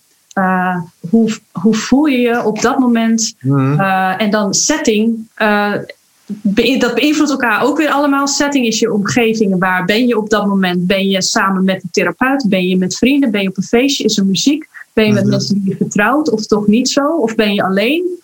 zit je alleen in het donker, zoals Terence McKenna dan ja. een doos. do it alone in the dark. En dan ben je helemaal alleen met je eigen gedachten en met alles wat er op dat moment in jou leeft. Ehm, ja, dat zijn hele, hele krachtige factoren. Net zo krachtig als uh, de substantie zelf. Ja, ja ik denk dat we erachter kunnen komen. Um, ook op het moment, en ik weet, misschien weten jullie of daar onderzoek naar is gedaan, op het moment dat je met fMRI's of zo kunt kijken wat er precies aan en uitgaat in de hersenen op basis van de, het psychedelische middel dat je neemt. Omdat ik vermoed dat, wat, uh, en Hein refereerde daar ook al naar, het heeft interacties bijvoorbeeld met je default mode network. Uh, Wat jouw perceptie van de werkelijkheid gewoon één op één beïnvloedt. Want dat is je danger detection. Uh, volgens mij zit die ding uit, toch? Dat, dat is de truc. Kijk, en als LSD uh, eh, en psilocybin en DMT als overeenkomst hebben dat ze de volumeknop van je default mode network naar beneden draaien, dan snap ik hem. Um, dus ja, maar misschien dat het een dergelijk mechanisme is, dat weet ik niet. Hein, wat, wat, wat weet jij daarvan? Ja, het is leuk dat je de analoog gebruikt van de volumeknop, want die gebruiken wij tijdens onze presentaties ook altijd. En, oh. uh, ja, het dempen van het default mode netwerk, uh, wat een gedeelte is in je hersenen, of een, een netwerk in je hersenen, die, die, waar, zoals Michael Pollan zegt, waar je, als uh, de, e, het, ego een adres zou hebben, dan zou die erin zitten. Dus dat is waar je tegen jezelf praat en, en, en waar je gaat zitten malen. Mensen met depressieve klachten hebben, hebben hun default mode netwerk heel hard, heel hard aanstaan. Mhm. En daar waar dus een hoge dosering uh, die knop gewoon in één keer uitzet. Uh, dat is bij microdosing wordt dat heel subtiel gedaan. En daar moeten mensen wat meer nodig hebben. En ja, ja. Dat, is, dat is wel.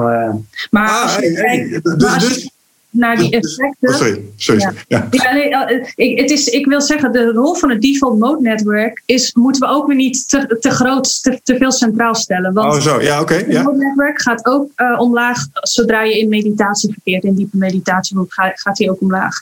En ik denk dat waar we het net over hadden, dat die, die mogelijkheden die een, een macrodosering allemaal biedt, um, dat het ook te maken heeft. En, en jij zei van, dan moeten mensen een hersenscan leggen. Denk ik ja. Want uh, dan krijg je ook te zien van zijn dat de, de theta-golven die bijvoorbeeld uh, sterker worden, of de delta-golven. En theta is bijvoorbeeld de staat van hypnose en visualiseren. Ja. En, uh, en delta is onder andere, ik weet niet eens precies wat er allemaal voor staat, maar onder andere onze slaap en echt onze altered states. Dat is echt waar de verschillende soorten altered states allemaal erbij komen kijken. Uh -huh. dus ik denk dat we vooral dat willen zien van, hey, welke golven worden, gaan meer omhoog en welke golven gaan meer naar beneden.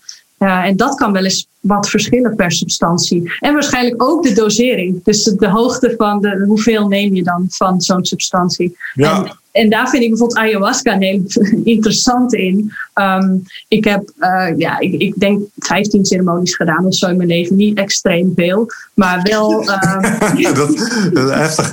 Ik vond twee al genoeg. ja, maar verspreid over, over, over meer dan 12 jaar, denk ik zo. Okay, uh, ja. Dus dat valt mee. Maar. Ja, ik heb ervaring gehad vanaf het drinken tot uh, vier kopjes, waarbij ik nog steeds uh, totaal uh, present was en gewoon eigenlijk geen psychedelische ervaring had. Mm-hmm. Tot een klein half glaasje en het was helemaal boom en vuurwerk en ja, volledig mystieke ervaring. Dus yeah. dosering is met ayahuasca dan weer iets waar geen pijl op te trekken valt. En dan denk ik, daar moeten ook weer andere dingen een rol spelen. Oh zo. Ja, nou, wat ik, wat ik zelf wel eens heb gehoord is... De, toen hoorde ik een shamaan daarover vertellen... over zijn eigen inwijding in het shamanisme... dat, dat shamanen ook uh, verschillende soorten hebben. Net zoals dat je verschillende uh, wietsoorten kunt hebben... kunnen zij ook verschillende soorten ayahuasca brouwen. En een eentje waar hij naar refereerde was... ayahuasca cielo, noemde hij dat volgens mij. Dat betekent blauw. En dat, dat, dat wees je naar de lucht en dat is ook wat het doet. Weet je, daar word je heel high van. Um, dus, dus ik heb ook wel eens laten vertellen dat ze um, soms bewust de samenstelling veranderen om het effect weer anders te laten zijn. Ik, maar nogmaals, ik ben geen shaman. Nee, nee, en van persoon tot persoon verschilt het ook weer. Dus het is misschien ook van net welke receptoren zijn er op dat moment in jouw fysiologie beschikbaar. Uh, uh, en in hoeverre zit jouw hoofd misschien al vol met bepaalde patronen of bepaalde gedachten. En in hoeverre sta ja. jij zelf open. Ja, energetisch is er ook nog een stukje. Uh, want ja, het verschilt van persoon tot persoon, van ayahuasca tot ayahuasca en van keer tot keer. Um, ja. en, en wat dat betreft is LSD dan weer ja, daar valt zeg maar wetenschappelijk gezien ook veel beter mee te werken. Want het is gewoon, oké, die dosering geeft ongeveer dat, brengt je ongeveer op dat niveau. Daar, ja. het is ja, wat, wat meer kwantificeerbaar te maken. Ja. ja. En het verlengde van wat jij net zei, hè? als je zei van ja, als je ze nou zou kunnen scannen, je zou die hersengolven in kaart kunnen brengen, eh, dan, en dan, dan zou ik daar willen toevoegen, dan zou ik het ook interessant vinden om een casus te verzinnen waarbij we de, de setting ook kunnen meenemen in dat verhaal. Want ik ben super benieuwd wat er gebeurt met mijn hersengolf op het moment dat zo'n shamaanse liedje begint te fluiten. Snap je? Als die Icaro's aan de gang gaan, ja, holy shit. Uh, iedereen die dat ooit heeft ondervonden, die weet dat dat iets doet. Ik ben mega benieuwd wat de impact daar dan ook weer van is, neurologisch gezien. Ja. Um, dus uh, ik denk dat dat een invloed heeft. En misschien ga je wel van uh, naar een ander soort uh, hersengolftype. op het moment dat iemand op die manier met vibraties en frequenties aan de gang gaat. Want dat is volgens mij wat ze aan het doen zijn. Als je het heel, heel wetenschappelijk probeert te bekijken. wat vinden jullie daarvan? Ja, Menno Kelen heeft van Imperial College in Londen en ook een van de oprichters van de Open Foundation of Stichting Open die heeft er onderzoek naar gedaan, hè, wat, wat muziek doet in de hersenen tijdens een, een LSD of psilocybine ah, ja? ja. En die heeft daar ook een heel uh, 12, hoe heet dat? Wavepads heet dat. Dat is een heel centrum nu opgericht uh, met uh, bepaalde muziekfrequenties en, en die dus eigenlijk een trip veroorzaken. Dus dat is wel interessant, zijn project ook. Um, ja, wat, wat, wat, bij mij in me opkomt is dat, uh, om toch terug naar microdosering te, te, te, te, herleiden, is dat de, bijvoorbeeld de klinische onderzoeken die nu gaande uh, die, die is nu afgerond. Hè, de eerste klinische onderzoek van, van Maastricht Universiteit. Uh, die kwamen er wel achter dat als je dat natuurlijk in een setting doet en je gaat dus zitten testen van iemand neemt een microdosering en gaat dan kijken of die creatiever is in een setting aan een universiteit met een computer. Dat er een, een heel zijn andere... die kleine cubicles inderdaad, uh, waar je geen lucht krijgt en geen daglicht. Maar een heel andere uitkomst is dan dat je iemand zou volgen in zijn natuurlijke routine. Uh, waarbij het hele holistische aspect uh, veel meer effect en invloed heeft. En ja, ze kwamen al snel achter dat inderdaad eigenlijk een clausule moet inbouwen van hey, die klinische onderzoeken heel goed, we kunnen dat en dat meten. Maar de, de, de anekdotische reports die er zijn, die, ja, die, die, die, uh, die gaan veel verder. Omdat je gewoon overal door beïnvloed wordt in je leven. En uh, ja, maakt het juist zo interessant, vind ik. Uh, ik, ik heb zelf de beste effecten gehad van het microdoseren in combinatie met iets waar ik het vaker over heb gehad. Dat is een mooi woord voor gewoon wandelen, maar bosbaden. Dus gewoon bewust de natuur in met, met als doel centeren. Uh, even deconnecten, andere bubbel, uh, weer even connecten met iets. Ja. Nou, dat werkt met microdoseren echt fenomenaal goed. Ja. Uh, ja. En, en, dat werkt heel anders inderdaad dan als ik achter mijn mail zit te microdoseren. Ja. Dat, dat zijn andere resultaten. Dus ik, ik verwacht dat dat wel een effect heeft, 100%. Ja, voor, voor COVID, wij coachen dan sinds eigenlijk het begin van het platform mensen die dus vooropgesteld dat ze zelf microdoseren en dat zelf kopen en zelf verantwoordelijk daarvoor zijn begeleiden wij en coachen wij ze. En gingen wij vaak uh, inderdaad uh, één op één wandelingen maken. Dus ja. inderdaad die connectie te voelen met de natuur. En dat, eh, ja, dat is ja, de, dat is echt een meerwaarde wat dat betreft. Ja, ja, ja het is een combinatie. Hè? Dus enerzijds gebeurt er iets in je hersenen. En anderzijds, wat het voor mij heel erg doet, of wat het beter laat binnenkomen, is het relativerend vermogen van moeder natuur. Ja. Dus, dus de dingen die, die me zorgen baren, of de dingen die me prikkelen, uh, die verliezen hun kracht een beetje, omdat het afgezet tegen de, de tijdspannen die moeder natuur kent. Zo ja. triviaal, weet je wel. Ja, maar, ja, is het niet ook dat, in, in, uh, in de bosbouw en zo, dat ze praten, ze praten niet over een, een plan van, van vijf jaar of tien jaar, maar ze hebben het over honderden jaren. Precies, dat, dat ding. Ja, ja maar ook de, de, hè, als jij inderdaad in de natuur loopt en je ziet een vogel en je ziet een diertje en je ziet een boom en je realiseert je, die zijn daar gewoon altijd en die doen altijd hun dingetje. En dan ben ik me druk aan het maken over dat mijn pakje boter op is, weet je wel. Precies. En dan ga je gewoon dat in perspectief zien. En dan, dat, dat, ja, dat een boom maakt zich ook geen zorgen van groei ik wel hard genoeg of uh, haal ik mijn doelen ja. wel deze maand. Uh, ja, of, Denk, of ja, uh, verschillende eenden gaan ook niet naar elkaar zitten kijken van jeetje, wat heb jij je haar daar zitten? Of wat, wat, heb jij je veren? Weet je, dus die, die zijn daar helemaal niet mee bezig. En dat, relatief, dat relativerend vermogen, dat is echt ja, het vanuit een ander perspectief bekijken. Dat is, ja. dat is iets waar heel veel mensen die microdoseren ook uh, dat ervaren. Dus meer connectie met zichzelf, de natuur en de omgeving. Maar ook gewoon dingen vanuit een ander perspectief bekijken. Waardoor je gewoon ja, jezelf uh, ook ja. wel. Uh, ja, je, je doorziet er makkelijker de zelf opgelegde, uh, niet alleen beperkingen, maar ook verplichtingen door die niet echt zijn ja. zijn verzonnen, weet je wel. Die, die zijn ooit eens een keer ergens door, uh, zoals uh, ja, uh, um, Mark Siegerbeek van Heulenkom mooi kan zeggen. We hebben een soort collectief, als je het hebt over morphic resonance. We hebben ook collectieve doelen voor onszelf bedacht. Hè? Dat is zo'n plaatje waar je aan moet voldoen. En buiten die lijntjes kleuren doet een beetje zeer voor sommige mensen. Maar het stelt mij ontzettend in staat om dat soort plaatjes los te laten. En daar gewoon heel fijn een eigen invulling aan te geven zonder oordeel.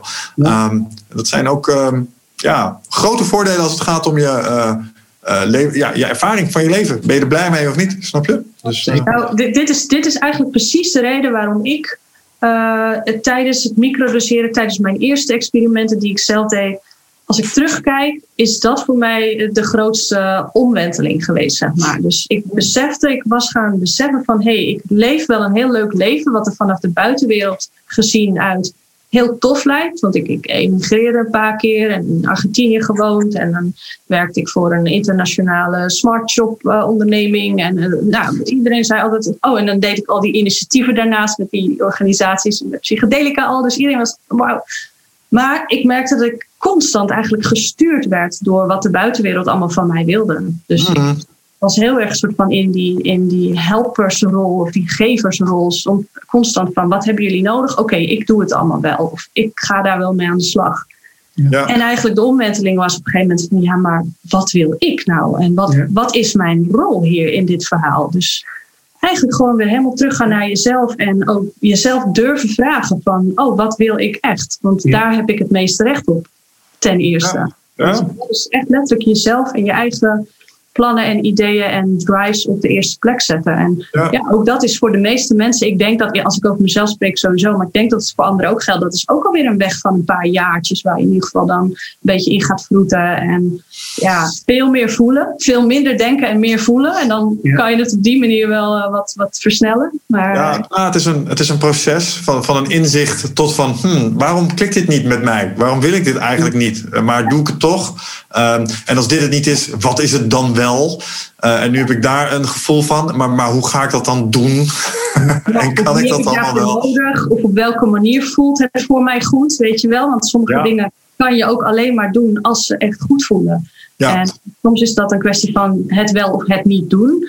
Maar vaak is het ook van, ja, maar hoe wil ik het dan? Eigenlijk een veel belangrijkere vraag. Maar dat is een van, uh, je kan die realisatie hebben, maar het is inderdaad van, hoe ga je dat dan doen? En daarom wil ik toch even refereren naar jouw uh, opleiding die wij nu alle twee aan het volgen zijn, van de 12 Academie. Hmm. Die komt echt precies op het goede moment, omdat wij samen een, een bepaalde missie hebben. Maar hoe krijg je dat concreet en hoe, ga, hoe werk je echt gewoon concreet naar bepaalde doelen en, en, en, en, en ja, dus uh, wat dat betreft ja, hoe zorg je ook dat ja. is zo in ons geval dat de ideeënbak niet alleen maar voller wordt. Ja. En de output is er wel, maar die hangt weer af van nou ja, welk idee dan toevallig de meeste push heeft gekregen. Ja. Hmm. Tot een meer strategische uitvoering van, zonder dat je dat ook weer, nou ja, jezelf daar weer mee uh, ja. vol laat. Of uh, ja, te veel onder druk zet op een manier die dan weer niet gezond is. Want ja, ja. Nee, microdoseren brengt je ook steeds weer tot die conclusie van hoe kan ik doen, hoe zorg ik dat ik de balans hou? En ja, hoe um, breng ik eigenlijk alles samen op een manier die echt werkt voor mij, structureel gezien. Ja. ja, nou ik denk dat dat belangrijk is. Wat werkt voor mij als persoon? Dat livecraften wat ik ooit ben gestart is niet zomaar begonnen. Dat is eigenlijk gewoon een eigen wens die ik had om op een bepaalde manier mijn leven in te kunnen vullen. Maar week een beetje af. En ik weet niet of dit een promo-plaatje ervoor is of een, een, een disqualificatie. Maar ik ben bang dat, dat drugs daar toch wel een rol in hebben gespeeld. Ja. ja. in de vorm van microdoseren, maar ook in de vorm van het macrodoseren. Um, valt me toch wel op dat mensen die daar zo af en toe bepaalde inzichten hebben gehad. Uh, omdat ze even in aanraking zijn gekomen of dat default mode network even uitstond. Kies de verklaring die je wil. Maar daardoor zijn wel bepaalde kwartjes bij mij gevallen. Uh, ook mede geïnspireerd door mensen waar ik naar keek. Hè. Bijvoorbeeld een van de mooiste dingen van Joe Rogan vind ik even ongeacht wat je hem vindt. Gast doet precies wat hij zelf wil. Ja. He doesn't give a fuck. En dat vind ik mooi. Weet je wel, dat is, voor, voor hem is het leven als Burger King. You can have it your way. Oh, je wil het zo? Nou, dan doe je het toch zo. Wat houdt je tegen? Ja, en voor, sommige mensen, ja, maar geld en zo. Ja, maar daar zijn wel dingen omheen te verzinnen. Je kan nog steeds wel het benaderen, alleen je moet het even durven. En het loslaten van dat standaard plaatje, dus dat echt heel actief buiten die lijntjes gaan kleuren. Ja, ik kan me toch niet aan de indruk onttrekken dat als je zo af en toe je standaard hersenchemie even uit balans trekt met het een of ander, dat dat een, een effect daarop heeft. Maar, maar dat, dat zit hem wel in die, in die hoek Um, en, ik ben zo even benieuwd hoe jullie daar naar kijken. Want uh, ayahuasca staat niet op jullie lijstje, maar cannabis ook niet. Maar toch uh, reken ik die wel onder de psychedelica. Dus het waren wel echt de psychedelische ervaringen die me dat vermogen hebben gegeven. En dat vind ik echt heel erg interessant aan, omdat je het hebt over neuroplasticiteit, in bepaalde malletjes zitten. Ik heb altijd zo het gevoel, microdoseren die doet dat heel mild. Maar heroïsche dosissen, dat is echt... Um, in, met Joost Breeksma van uh, Stichting Opus zegt het ook van... Joh, ik heb ooit een opleiding gedaan, Mylogenics soort sportfysio. Wat je doet is verklevingen oplossen in spieren. Dus je gaat niet zachtaardig, weet je wel. Maar daarna heb je meer mobiliteit. Dus psychedelische middelen zie ik net zo. Eh, het helpt die verklevingen losmaken. Waardoor je daarna meer mentale lenigheid hebt. Waardoor je ineens wel het gedachtesprongetje kunt maken. Waarom heb ik een kantoorbaan? Dat wil ik helemaal niet. Weet je wel? Uh, dat, dat, was een van de inzichten die ik daardoor heb gehad. Want ik, ik dacht dat ik directeur wilde worden. Wil ik eigenlijk helemaal niet. en hoe, hoe ontsnap ik nou aan deze koers die ik ben ingezet? Nou, um, ik denk dat, dat mijn ervaringen met psychedelische middelen daar echt wel mijn inzicht hebben gegeven. Dat vind ik dan wel heel interessant aan. Ja, het is een krachtige tool, weet je wel. En uh, het is niet voor iedereen. Dus het is, het, is zeker niet van, uh, hey, dit moet iedereen gaan proberen. Maar ja, daar waar je interesse ligt, als, als je merkt dat je interesse daar toe getrokken wordt, ja, is het, kan het de moeite zijn om, om dat te gaan onderzoeken, weet je wel. En ja. nogmaals, uh, het wordt al uh, tienduizenden jaren, uh, laat ik het zo zeggen, dit t-shirt zie je misschien, dat zijn dansende paddenstoelen. Dat is een grottekening van 10.000 jaar geleden, waar, waar ze ja. al vondsten hebben gevonden van paddenstoelen en en nogmaals, het wordt daar voor dat soort dingen altijd gebruikt voor persoonlijke groei. En ja, het kan net eventjes die, die shift maken van, uh, van een ander perspectief bekijken. En een ander doet het met meditatie of met mindfulness.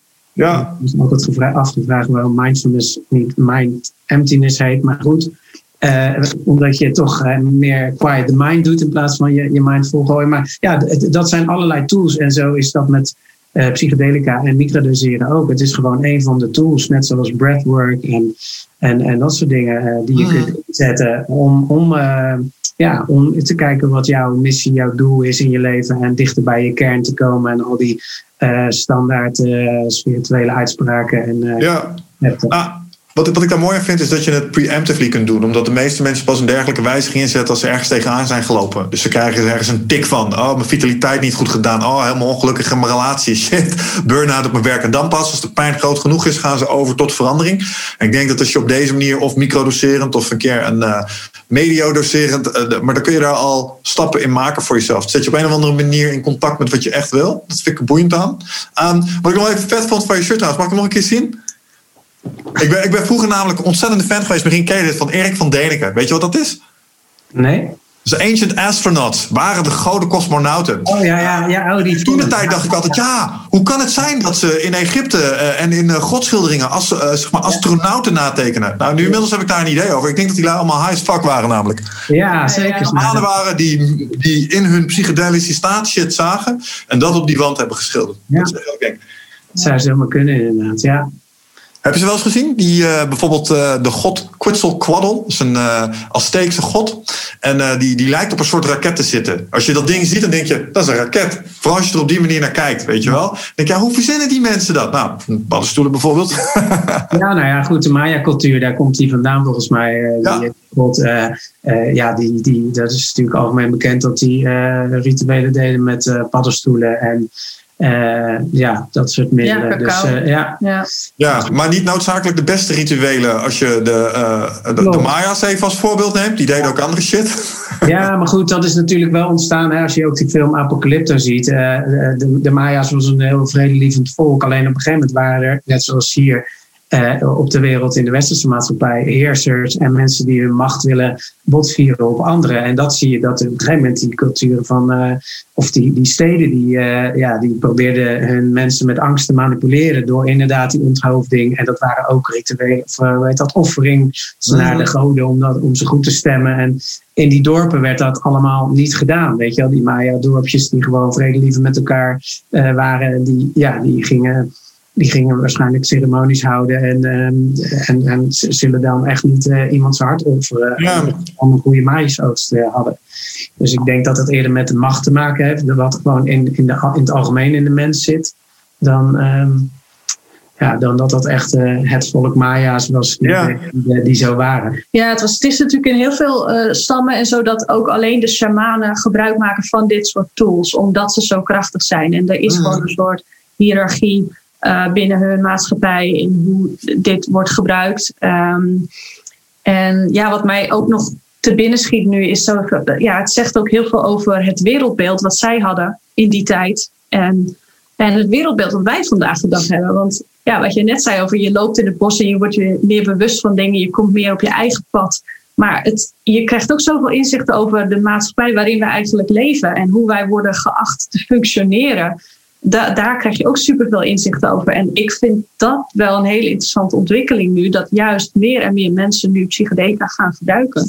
Of dat nou voor, voor, voor healing is omdat ze helemaal vastzitten of omdat ze het gewoon willen eh, ontdekken en exploreren. Maar het maakt ons wel echt tot krachtiger mensen met meer eigen autoriteit. In plaats van dat we de autoriteit buiten ons gaan zoeken in, in de maatschappij, omdat we zien dat daar zoveel dingen niet functioneren. Niet meer. Nou, wat ik, wat ik zie is. Doorgedreven zijn in bepaalde systemen. En uh, ja. Nou, dat. Het, helpt met het doorbreken van bepaalde paradigma's. Omdat we, en dat is, eh, dat is wat geestverruimend is voor mij. Kijk, ik, ben, ik, ik geloof in evolutionaire psychologie. Dus ik heb een paar primaire instructies die ervoor zorgen dat ik heel erg gefocust ben op welvaart vergaren, status verkrijgen, meedoen met de sociale kudde. Want hey, overlevingskans omhoog, that's basically it. Maar als ik als weldenkend mens kijk naar de toekomst voor ons ras, de planeet en dat soort dingen, denk ik dat, dat we andere oplossingen moeten vinden voor overheid, voor economie, voor climate change. Maar dan, dan moet je van hier moet je naar daar. En, en daar zie ik het een, een, een, een rol invullen. Hè? En de shamanen zeggen ook wel eens heel romantisch: ja, wij worden de wereld ingestuurd door de planten om, om jullie te redden, weet je wel. Want jullie zijn het aan het verkloten met z'n allen. Dus we, we komen maar naar jullie als een soort missionaris. Weet je wel, net zoals dat de christenen het christendom kwamen brengen, is het nu moeder natuur die naar buiten komt met haar shamanen overal van: hey, let op. En dat vind ik ook heel interessant aan, dat, dat in die uh, ervaringen, en, en dat zie ik bij het microdoseren ook wel terug, is die, die connectie met de natuur en het belang daarvan. Um, en, en, dat je daar daadwerkelijk in, iets in moet doen. Als je het nou hebt over waar ik recentelijk een roeping in voel, nou is het toch wel in dat stukje. Als ik even over COVID heen kijk, kijk even over de economische crisis heen, dan zie ik dan nog een tsunami aankomen waar we potentieel nog wat aan kunnen doen. Um, maar er zit wel een stuk bewustwording op. En misschien is dat bias, maar ik lijkt dat breder te spotten.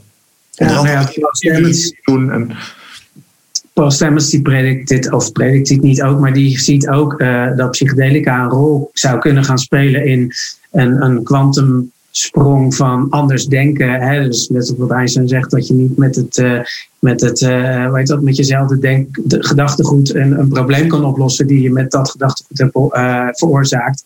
Het ja. wordt, ja, weet je, psychedelica kan, kan mensen out of the box laten denken en misschien wel een oplossing vinden voor climate change en, en, en alle andere problemen die in de wereld spelen.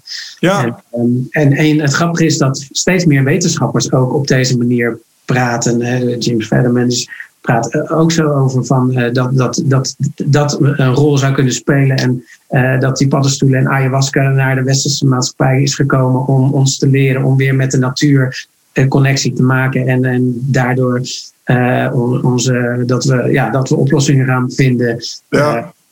tegen al dit soort uh, ongein. Super interessant hè? Ik weet niet of jullie de podcast met André Kuipers hebben geluisterd die we toen hebben opgenomen. Nee, nog niet. Hem wel. Ik, nou, ik, zeg altijd, kijk, wat ik zo fucking interessant vind aan astronauten, is dat als die de ruimte in zijn geweest, hebben die exact dezelfde ervaring als iemand die een hele sterke psychedelische trip heeft gehad, namelijk het overview effect.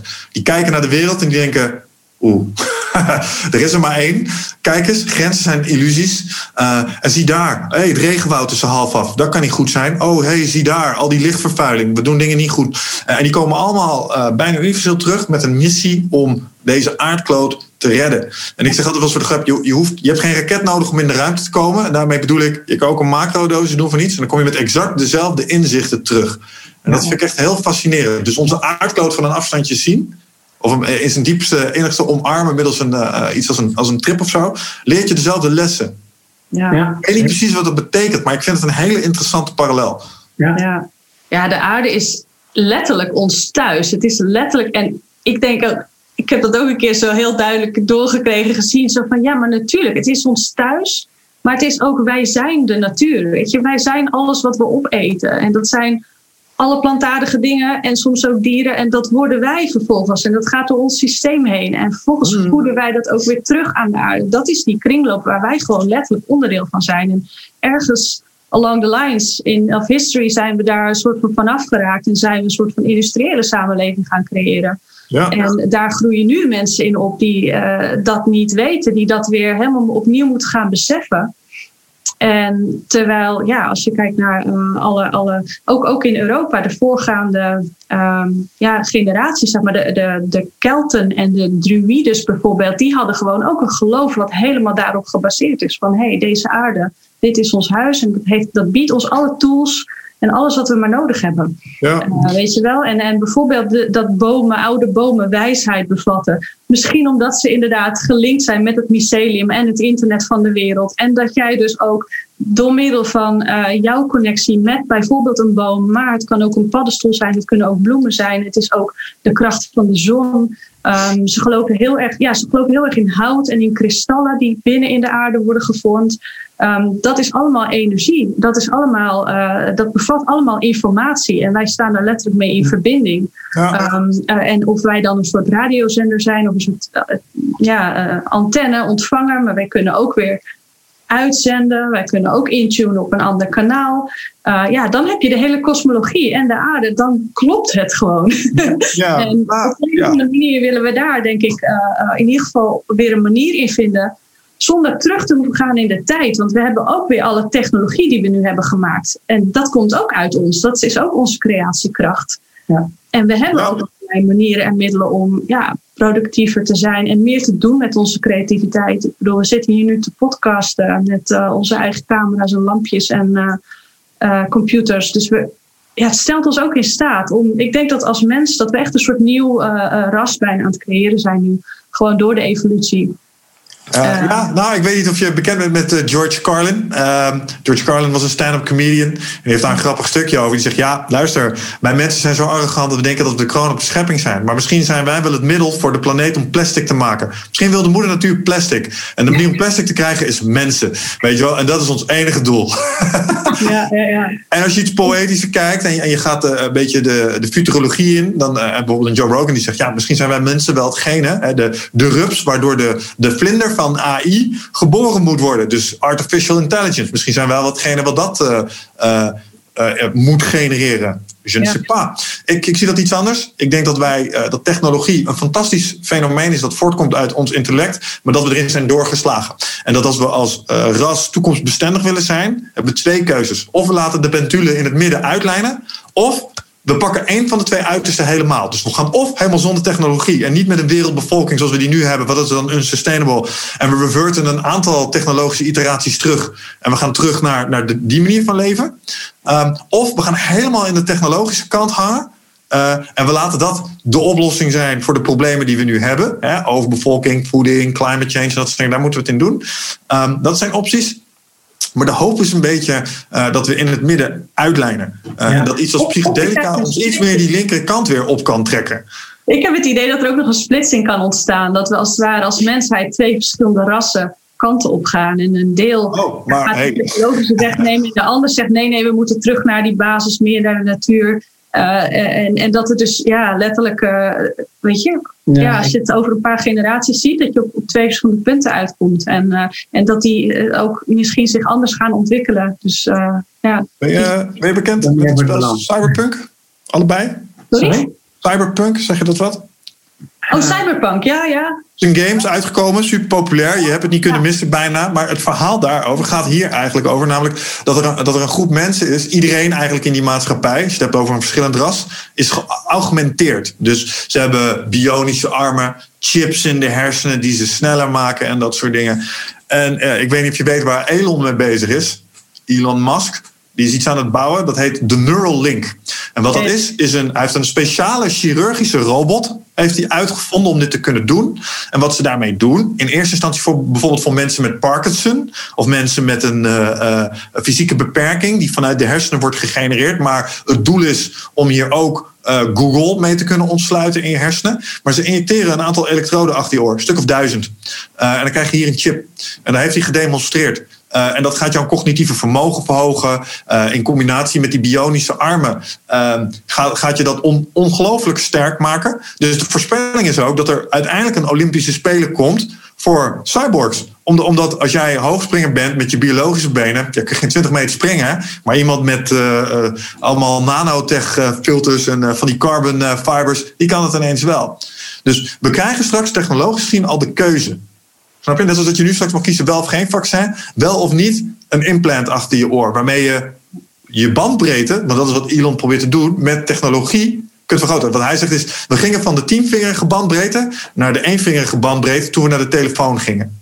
Hij zegt, wat ik wil, is dat jij met de bandbreedte van je gedachtensnelheid de interactie met technologie aan kunt gaan. En weet je waarom hij dit wil?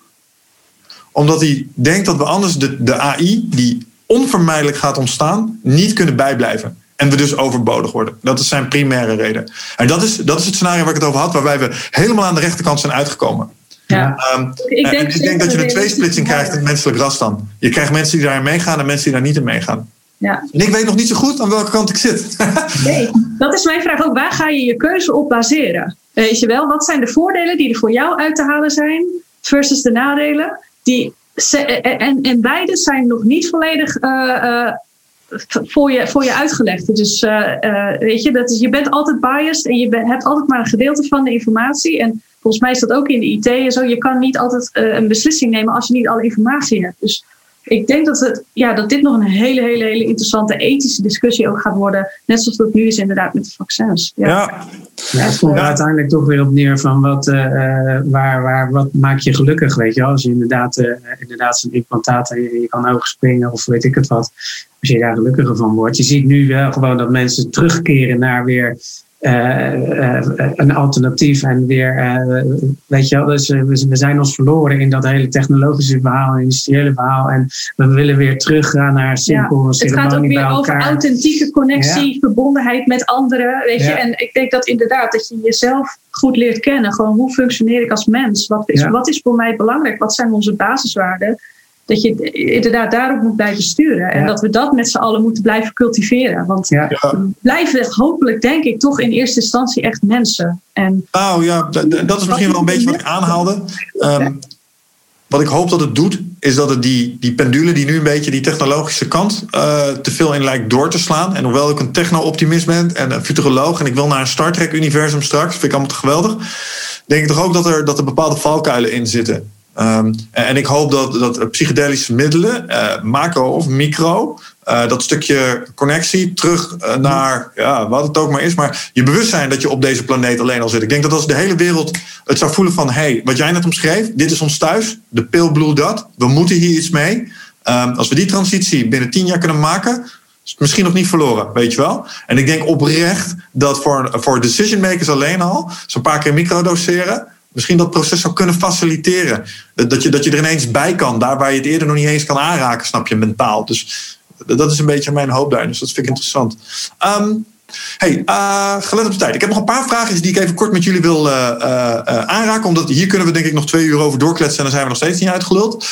Um, eentje die ik persoonlijk interessant vind en waar ik denk iets te hebben ervaren, maar waar ik het niet zeker weet, is: weten jullie iets over microdoseren in combinatie met sport? Sport, uh, is het, is het uh, bijvoorbeeld, uh, doet het iets met je sportprestaties? James Eric heeft geloof ik een boek geschreven over extreme sports en, en, en microdoseren, of in ieder geval psychedelica. Dus daar wordt het wel uh, gebruikt uh, om, om inderdaad scherper en meer gefocust te zijn. Van met name bij uh, extreme sporten heeft hij daar dan een boek over geschreven. Dat is wat ik weet. ja, mensen merken dat ze meer uithoudingsvermogen hebben of ervaren dat. En, en nogmaals, we, we praten ten alle tijden dat het niet voor iedereen geldt. Dus bijna alle voordelen, die, dat is, is niet zo dat van dat geldt voor iedereen. Het enige wat bij de meeste mensen geldt bij microdoseren, wat ze ervaren is dat ze meer connectie voelen met zichzelf, de omgeving en hun natuur. En meer in het huidige moment zitten. En, en die twee ankers die zorgen ervoor dat er allerlei voordelen zijn die voor iedereen anders zijn. Ja, dat is prestatieverhogend, dus, dat ehm, snap ik. Maar ja, dus uh, kijk, dat, uh, dat concept wat wij hebben ontwikkeld voor, voor uh, een stacking concept van de cordyceps en vitamine B12 komt eigenlijk uit een podcast van, van Joe Rogan en Paul Stamets. Die praten over dat die supplementen sowieso al in de sport worden gebruikt. Ja, cordyceps. Omdat, omdat wij veel werken met de truffels, zoals die, van die standaard truffels die voorverpakt zitten. Um, uh, kwamen erachter dat mensen wat vermoeidheid ervaarden. En dus dat we die twee, uh, of die drie combineerden, vitamine B12 en cordyceps. En, en ja, mensen gebruiken dat inderdaad voor het sporten. En uh, ja. Ja, cordyceps kende ik al. we, hadden een supplement van Onnit, dat heet Shroomtech Sport. Daar was ik best wel fan van. Want ik merkte dat dat echt ongelooflijk veel extra lucht gaf in trainingen. Dus uh, zware intervaltraining of sparren of wat dan ook. Uh, is normaal best wel vermoeiend. Ik dacht, hé, hey, ik heb een extra versnelling. En dat, dat zat echt in die, uh, in die sport. Dat was ook cordyceps. Ja. Doe iets met de bloed ja, aan- en afvoer, geloof ik. Ja. ja, want dat is een, dat is een, een ding eigenlijk sinds Paul Stamets met, met Lion's Mane en, en die medicinale paddenstoelen, die trouwens dan functionele paddenstoelen genoemd moeten worden als je ze commercieel wil verkopen. Ja, functionele Dat ze niet medicinaal uh, bewezen zijn. Maar ja, dan gaat een wereld voor je open als je daar uh, je in gaat verdiepen. Uh, ja, we hebben sinds kort iemand in ons team die, die extracten maakt, maar die echt alles weet. Een soort Nederlandse mycoloog of Nederlandse Paul Stemmens, die alles weet van die medicinale werkingen. En dat is uiterst interessant. En, ja. ja. Ik, ik, vraag me een beetje af nog even over sport. Dus eigenlijk meer mijn vraag aan jou. Ik denk dat jij veel meer in die, in die supplementen en de, de sport, de mentaliteit van performance en zo zit op dat gebied. Is er denk je een uh, kans dat het uh, ook mis, misbruikt kan worden? Want ja, sporters willen natuurlijk altijd verder gaan en kijken waar de grens ligt, kijken of ze nog verder kunnen gaan. En ik weet dat van vroeger, zeg maar, echt heel veel jaar geleden, um, uh, was er een. Um, een kruid dat heet Ephedra. En dat geeft ook meer lucht en meer energie. En dat werd heel veel als, ja, als een soort van uh, partydrug, zeg maar, uh, natuurlijk. Maar uh, ja, dat bracht ook je hartslag ontzettend omhoog. Oh ja, ja zeker. Dat was gewoon super heftig. En daar is, ik geloof, één iemand aan overleden die ook nog eens zwaar had geoverdoseerd. Maar ik vraag me wel af van, ja, wat zijn daar de risico's of de dingen waar we misschien met z'n allen op moeten blijven letten? Oké, nou om, je, om die vraag te beantwoorden is het enige wat je hoeft te doen naar een grote supplementenwebshop te gaan en dan even bij de pre-workouts te kijken en dan te kijken naar de stickers die op die doosjes zitten en dan is, heb je het antwoord op deze vraag. Want het is allemaal more power, extreme, weet je wel. Uh, jongen, uh, en ik weet dat sommige van die supplementen, daar zaten echt dingen in die, uh, nou, zoals ephedra, maar ook gergimine. Dat is praktisch gewoon amfitamine moleculair gezien op één zo'n pootje na, weet je wel. dat wordt erin gegooid en dat vinden mensen mooi. Um, want dan kunnen ze meer. Um, dus sporters, mannen met name in een bepaalde leeftijdscategorie, uh, vatbaar voor misbruik hiervan, 100%. Maar dat is met alle middelen is, dat, uh, is dat wel gebleken. Um, maar zou het dan kunnen dat misschien deze paddenstoelen juist een beetje een soort antagonist daarvoor zijn? Misschien juist van hé, hey, dit is de andere weg die je kan de, kiezen. De tegenwerking, ja. Maar waar ik dan... uitmaakt hoeveel je neemt of waarbij het geen zin heeft om meer te nemen. Dat is alleen maar duur voor je portemonnee. Uh, ja, dus ik denk dat het ze zou kunnen corrigeren, omdat ze er met de, zoals ik ook al zei, als je er komt met de intentie voor meer productiviteit, meer focus, dan kan het je maar zo uitlijnen naar meer balans, meer rust, zeg maar. Misschien dat het bij deze mensen ook doet. Um, ik doe hier echt aannames, maar als ik even naar mijn eigen achterlijke gedrag in mijn jeugd kijk, um, dan zou ik maar zo in staat kunnen zijn om het te combineren met iets. Ja. Wat misschien geen handige combinatie is. Dus ik ben, want die Ephedra, dat heet vroeger volgens mij stackers. Die ken ik. Dat waren ja. na mijn fitnesslui altijd. Dus dat ik uh, mijn uh, microdoseren combineer met mijn stackers. Ik ja. vraag me af of dat een cocktail is voor een fijne ervaring. Denk het niet. Um, dat, dat is het, het, risico wat ik daar zou kunnen zien. Maar dat heel eerlijk is eigen verantwoordelijkheid. Dus, uh, en educatie ook weer. Hè? En gewoon verdiep je er even in. En zoek, zoek goed informatie voordat je zomaar van alles gaat doen. Als ik kijk naar het gedrag planten zoals een paddenstoel. Daar moet je ook op vertrouwen dat, dat, dat zijn plantleraren, plantmedicijnen. En die hebben jou ook wat te vertellen. En uh, uh, ga je het misbruiken, dan zou, zou je met de neus op de feiten worden gedrukt. Krijg je daar, daar, daar ben ik van overtuigd tenminste. Ja.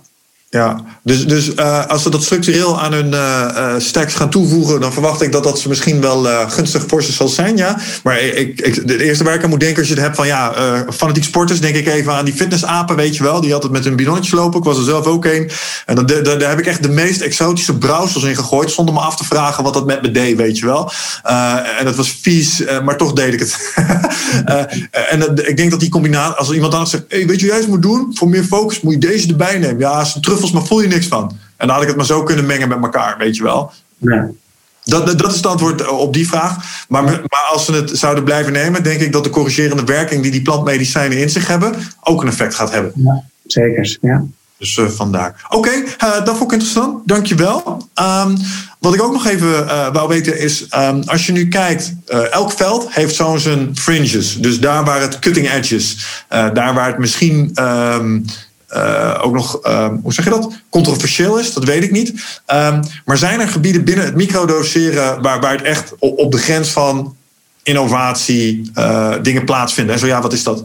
Ja, kijk, um, wij, wij begeleiden en coachen al uh, sinds het begin mensen die microdoseren. En als je het dan over cutting edge hebt, uh, het is natuurlijk geen officiële behandelmethode. Uh, zo, zo, uh, binnen vijf jaar wordt psilocybine wel wordt een officiële behandelmethode, waarschijnlijk. Maar wij benadrukken dus altijd dat we mensen coachen die zelf dus microdoseren. Um, tegelijkertijd is wel mijn missie om een brug te slaan naar de reguliere sector van mensen die dus in hun praktijk microdoseren willen inzetten als ondersteuning voor hun behandeling. En ja, ik, als het, ja, wat ik als cutting edge zie, is dat wij een blauwdruk willen maken voor hoe het zou zijn als je dadelijk. Uh, als het dadelijk een officiële behandelmethode is of een ondersteuning is, dat je, dat je dit legaal mag inzetten als ja.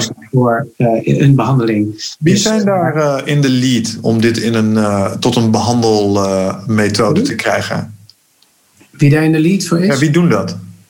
Nou, dat, dat, doet dus, dat doen wij dus. Ja, eh, precies. Nee, oké. Ja, check. Ja. Dus met Microdosing Institute zijn we nu... We hebben eerst een brug naar alle wetenschappers geslagen.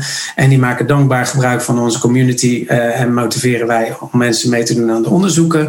En uh, ja, nu zie je dat steeds meer mensen die in de psychotherapeuten, psychiaters, psychologen... geïnteresseerd zijn van... hé, hey, wacht eens eventjes. Dit kan ik best wel misschien wel implementeren. Maar hoe ga ik dat doen? Dus wij zijn nu bezig met een training schrijven voor uh, mensen uh, die dus dat dadelijk willen gaan implementeren als dat een officiële iets is. En zodat we eigenlijk die blauwdruk kunnen leggen, zodat ze de, de, de GGZ of GGD, hoe heet dat, uh, dat kan overnemen. En, en ja. Nee, dat... weet je wie je moet overtuigen?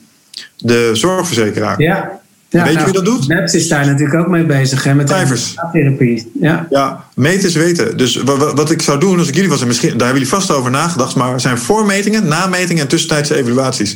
Uh, en, en, op basis daarvan naar een zorgverzekeraar gaan en zeggen: je moet eens kijken naar deze resultaten. Jongen. Dit zijn mensen die anders nog maanden thuis hadden gezeten. Weet je wel? En die zijn nu gewoon gereïntegreerd en die kunnen weer terug de arbeidsmarkt op. Want wel weten, dat is waar zorgverzekeraars naar kijken. Hè. Die willen hun zorgkosten laag houden en die zijn met name op zoek naar, naar behandeling die helpen om hun verzekerde mensen weer zo snel mogelijk uit de verzekering te krijgen, want het is een business. Um, en om een DBC te krijgen moet je aantoonbaar uh, resultaat hebben. Daarom weet ik dat dingen als bijvoorbeeld, uh, hoe heet dat nou?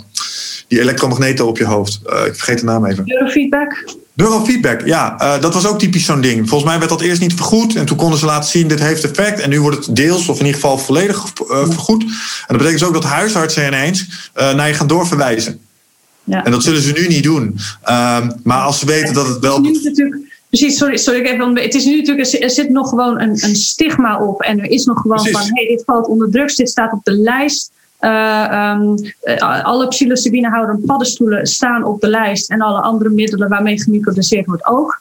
Uh, dus behalve de truffels. Maar ja, dit, er is natuurlijk wel nu een hele beweging gaande. En het wordt gewoon de psychedelic renaissance in science genoemd. Met uh, al het uh, klinisch onderzoek wat er nu plaatsvindt naar hogere doseringen. En dat is vooral omdat er gewoon ja, al wat aanleiding was van hey, die hogere doseringen die geven mensen een uh, mystieke ervaring. Die geven ja. mensen een doorbraak. ineens is 70% van de proefpersonen bij het eerste Johns Hopkins onderzoek is niet meer als depressief te klassificeren terwijl ze treatment-resistant depression hadden. Dus ja, dit, dit moet er gewoon eerst allemaal als het ware doorheen. En dan hopen we dat inderdaad over een jaar of vijf uh, er, er, protocollen worden uitgegeven waarin mensen dus een behandeling krijgen met één, twee of drie uh, hogere doseringen onder begeleiding van, een, van één of twee therapeuten. Het moet allemaal nog uitgekristalliseerd worden. Maar wij, de verwachting, alles, alles wijst er eigenlijk wel op dat dan microdosing daar het alternatief voor zou kunnen zijn, bijvoorbeeld. Of eventueel een aanvulling daarop of een ondersteuning daarbij. En ja, de, de, de resultaten die wij nu gewoon al zien in zeg maar al onze citizen science en uh, de citizen science van James Fadiman is, ja, die zijn heel goed voor uh, depressie en ADHD, PMS-klachten. Uh, wat nog meer OC, OCD, dus een beetje compulsief gedrag en alles wat met controle en structuur te maken heeft. Uh, daar, daar is, die mensen ervaren gewoon nog grotere verschillen dan zeg maar een, ja, laat maar zeggen, normaal iemand die microdoseert. Ja. Dus, uh, ja, ja, Maar de weg naar de zorgverzekering, ik denk dat dat inderdaad de allerlangste weg is. maar, gezien, gezien, het feit dat nu, wij krijgen zoveel mensen letterlijk bij ons op consult die zeggen van ja, ik, um, ik, ik loop al bij de huisarts. Uh, ik heb een burn-out. Uh, ik, ik, ik zit daarvoor in behandeling, maar er mist gewoon van alles. En ik, word niet, ik voel me niet helemaal gehoord, ik voel me niet helemaal gezien en uh, ik krijg onvoldoende ondersteuning. En ik, ik geloof dat er nu heel vaak een mindfulness cursus aangeboden wordt. Die is nog het meest effectief van alles wat er gedaan wordt. Ja. ja. het gaat, je hebt een keer een presentatie gegeven, de holistic approach. En microdosing draagt gewoon bij aan het, de, de holistische benadering van daar waar de westerse medici soms een beetje iets tekort schieten, maar waar ja. Delica wel een, een, rol in kan gaan spelen. En uh, ja, wat je zegt, eh, de, de zorgverzekeraars, MAPS, uh, doet dat natuurlijk ook met de MDMA-therapie, wat we al zeiden. dat is waar je moet zijn, inderdaad. En in samenwerking met James Fadiman zijn we bezig om een long-term soort studie, online studie te, te maken van: hé, hey, wacht even, er zijn nu mensen die drie, drie jaar hebben gemicrodoseerd. Wat hebben zij nou ervaren? Wat is te blijven? Wat zijn de voordelen? Want ja, weet je dat moet gemeten worden. Dat wordt over het algemeen uh, niet, niet onderzocht. Dat, dat kost eigenlijk zoveel. Ik, ik weet het ook niet, maar voor onderzoekers en voor instituten is dat een soort van heel veel gedoe. En ja, er worden gewoon maar heel weinig lange termijn onderzoeken gedaan, überhaupt. Sowieso ook in de farmaceutische wereld bijna niet dat betreft hou ik altijd wel een beetje mijn hart vast. Uh, dat, uh, de, de standaard is zes maanden. Dus voor de meeste goedgekeurde medicijnen is er gewoon niet langer dan zes maanden op proefpersonen getest. Nou, dat is eigenlijk heel raar. En wij willen juist inderdaad weten van nou, wat, ja, hoe is het na één jaar, na twee jaar? hoe sta ik in het leven versus toen? En dat is natuurlijk ook weer een heel subjectief gebeuren. Maar het is wel heel interessante informatie. Zeker. En, en, ook citizen science kan volgens mij eh, netjes conform uh, de, de spelletjes en de spelregels die bij normaal scientific approach uh, plaatsvinden. Dus je kunt double blinds doen, je kan het gewoon hè, je kan het kwantificeren, je kan statistisch onderzoek doen als je N maar hoog genoeg is. Dus, en je hebt een community, dus daar zou ik iets doen. En iets waar ik ook aan moet denken is dat je misschien wel, als, als het gaat om stigma, herken ik, vooral in Nederland, weet je wel. Um, maar ik kijk in Nederland of in Amerika naar de cannabisindustrie. Um, en die zijn daar ook met een mooie revolutie bezig. En die gaat overwaaien naar Europa. Dat kan bijna niet anders. En ik denk dat je, dat, dat je in, in de wake daarvan uh, dit ook maar zo eens draagvlak kan gaan geven, eerlijk gezegd. Nee, zeker. Nou ja, goed, kijk, we, we doen al uh, dit soort metingen in, in, uh, in, in, samenwerking met Stichting Vista Plus. Hebben we, doen we groepen mensen, cursisten, die, die we gelijk met vragenlijsten laten, laten invullen van hey, wacht even, jouw traject gaan, volgen we dan. we zijn met Maastricht Universiteit nu dan een online studie aan het doen voor mensen met ADHD, die zijn we aan het volgen. Uh, dat was altijd mijn droom, omdat twee jaar geleden merkten we al in de groep van hé, hey, uh, ik, ik microdoseer tegen ADHD en dat veel beter dan Ritalin, omdat het ja. uh, geen bijwerkingen heeft. En ja, eigenlijk door het eerste klinische onderzoek waaruit bleek dat mensen meer focus en concentratie hadden tijdens het microdoseren, kwam Kim Kuipers in dit geval erachter van hé, hey, mensen die een tekort hebben aan concentratie en focus, daar zouden ze wel, zouden wel eens baat bij kunnen hebben bij microdoseren. Dus dat is de groep ADHD. Dus dat, uh, ja. dat is nu aan de gang. En, en wat gunstig is ook aan deze hele ontwikkeling, is dat het wordt, nu door, uh, het wordt nu afgezet tegen de gangbare medicijnen. Dus mensen met AD slikken Ritalin. heeft zoveel bijwerkingen. Ja, ja, sure. Ja. willen daar gewoon van af. En zijn dus eigenlijk al op zoek naar een alternatief. En als ze dan dit horen. En er zijn nu gewoon al best wel veel deskundigen wereldwijd die hebben gezegd van uh, microdoseren is veiliger dan Ritalin en dergelijke. En het is veiliger dan uh, het gemiddelde antidepressivum. Mm. Dus Um, dat, is, dat, is, dat, biedt, uh, dat biedt denk ik ook heel veel opening. En vooral in Amerika met mensen waar we nu mee samenwerken, uh, zien we dat heel erg. Dat daar wordt natuurlijk heel veel medicijnen gebruikt en worden ook heel erg de nadelen van die medicijnen ervaren. Dus ja. men is op zoek naar iets beters. Ja, als je het hebt over DD, moet ik wel direct aan kinderen denken. Want kinderen krijgen ook Ritalin. Uh, zou microdoseren iets zijn uh, wat kinderen kunnen doen? Omdat ik van cannabis weet dat je eigenlijk voor je twintigste... Uh, zou je, beïnvloedt cannabis de ontwikkeling van je hersenen negatief. Ja. tenzij je zware epilepsie hebt. Want er is toen een meisje geweest wat zware epileptische aanvallen had. Ja. En zij is, volgens mij hebben haar ouders heel erg gestreden om haar cannabisolie te mogen geven. En dat hielp zo goed. En dat schijnt een soort katalysator geweest te zijn voor ja, de algemene acceptatie. En dat uiteindelijk de CBD-olie gewoon in de, in de, in de, de drogisterijen is komen te liggen. En dat mensen oh, maar dat is helemaal niet iets raars. Dus de, het is inderdaad een heel grappig voorbeeld dat je dat zegt. Uh. Maar, maar, is, is microdoseren geschikt voor kinderen? Met andere nou, woorden, de, wij, wij, wij, raden het natuurlijk niet aan. Ik bedoel, nee, uh, nee maar, ja, een beetje hetzelfde als met uh, zwangere vrouwen. Ja, weet je wel, er is te weinig onderzoek naar gedaan. Tegelijkertijd wordt er wel door ouders, die natuurlijk ten einde raad zijn met bepaalde mensen, maar ook bijvoorbeeld, uh, wij werken samen met een coach uit Amerika en die begeleidt nu een stel die een, een kind heeft met autisme. En die uh, gebruikt nu dus uh, microdosing met een bepaalde stackingformule. En heeft, ja, die praat weer, de, de begeleiders van hem, die, die zien hem in één keer een heel ander kind. Dus en, en in de jaren 50 zijn er ook uh, talloze onderzoeken gedaan naar psychedelica en autisme. Um, ja, dus het is natuurlijk ons eigen taboe om te zeggen van hè, uh, we, we, raden het niet aan voor mensen, voor kinderen. Tegelijkertijd geven we kinderen ook Ritalin, wat gewoon. Ja, precies. Dus vandaar de vraag. Ja, oké. ja. Dus ja, weet je, uh, ja, ik zal het niet aanraden, maar ik denk wel dat het mee zou, bij zou kunnen dragen om een doorbraak te geven van, hé, hey, weet je, ja ja, als we hem helemaal veilig formuleren, zou het je niet verbazen als we in de, in de toekomst erachter komen dat het voor kinderen een positief effect zou kunnen hebben. Zeker, ja. Ja, oké, check, ik snap hem. Oké, top, duidelijk. Ook, de, ook heel erg discussie van, ja, is dit, als dit echt zo goed werkt, moeten we dat onze kinderen dan inderdaad, zouden we dat moeten onthouden? Want je, je onthoudt ze, weet je, het is, het is altijd, het heeft twee kanten van, je ontneemt mensen misschien zelfs wel iets. Maar ja, er is nog wel een weg daar naartoe uh, die, uh, die we heel ja, moeten bewachten.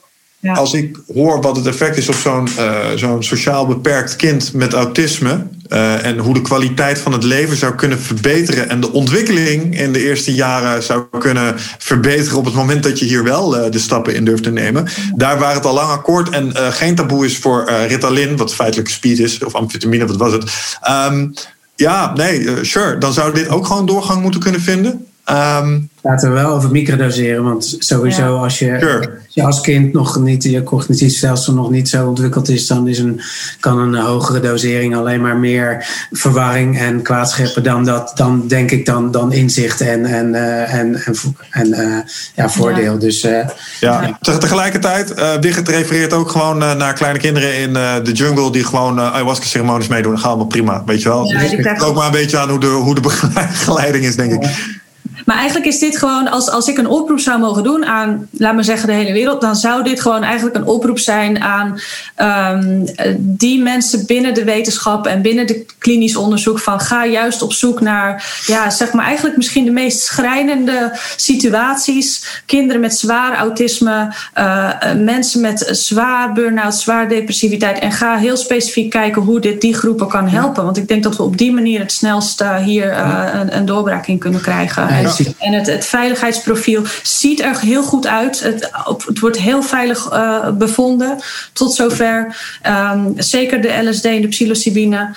En uh, ja, ga daar heel gericht onderzoek mee doen. Want alleen dan komen we verder. En, en nu worden ja, de, de, onderzoeken meestal als eerst gedaan op zeg maar hele gezonde mensen. Gemiddeld van leeftijd, alles gemiddeld. Zonder dat ze ja, klachten hebben of zo. dus, dus dat, dat, maakt het dat de weg nog wel langer duurt. Weet maar er is een omslag nu gaande. Ook omdat grote bedrijven die eerst in de cannabisindustrie hun, hun geld hebben verdiend, nu zich op de psychedelische markt storten en onderzoeken kopen.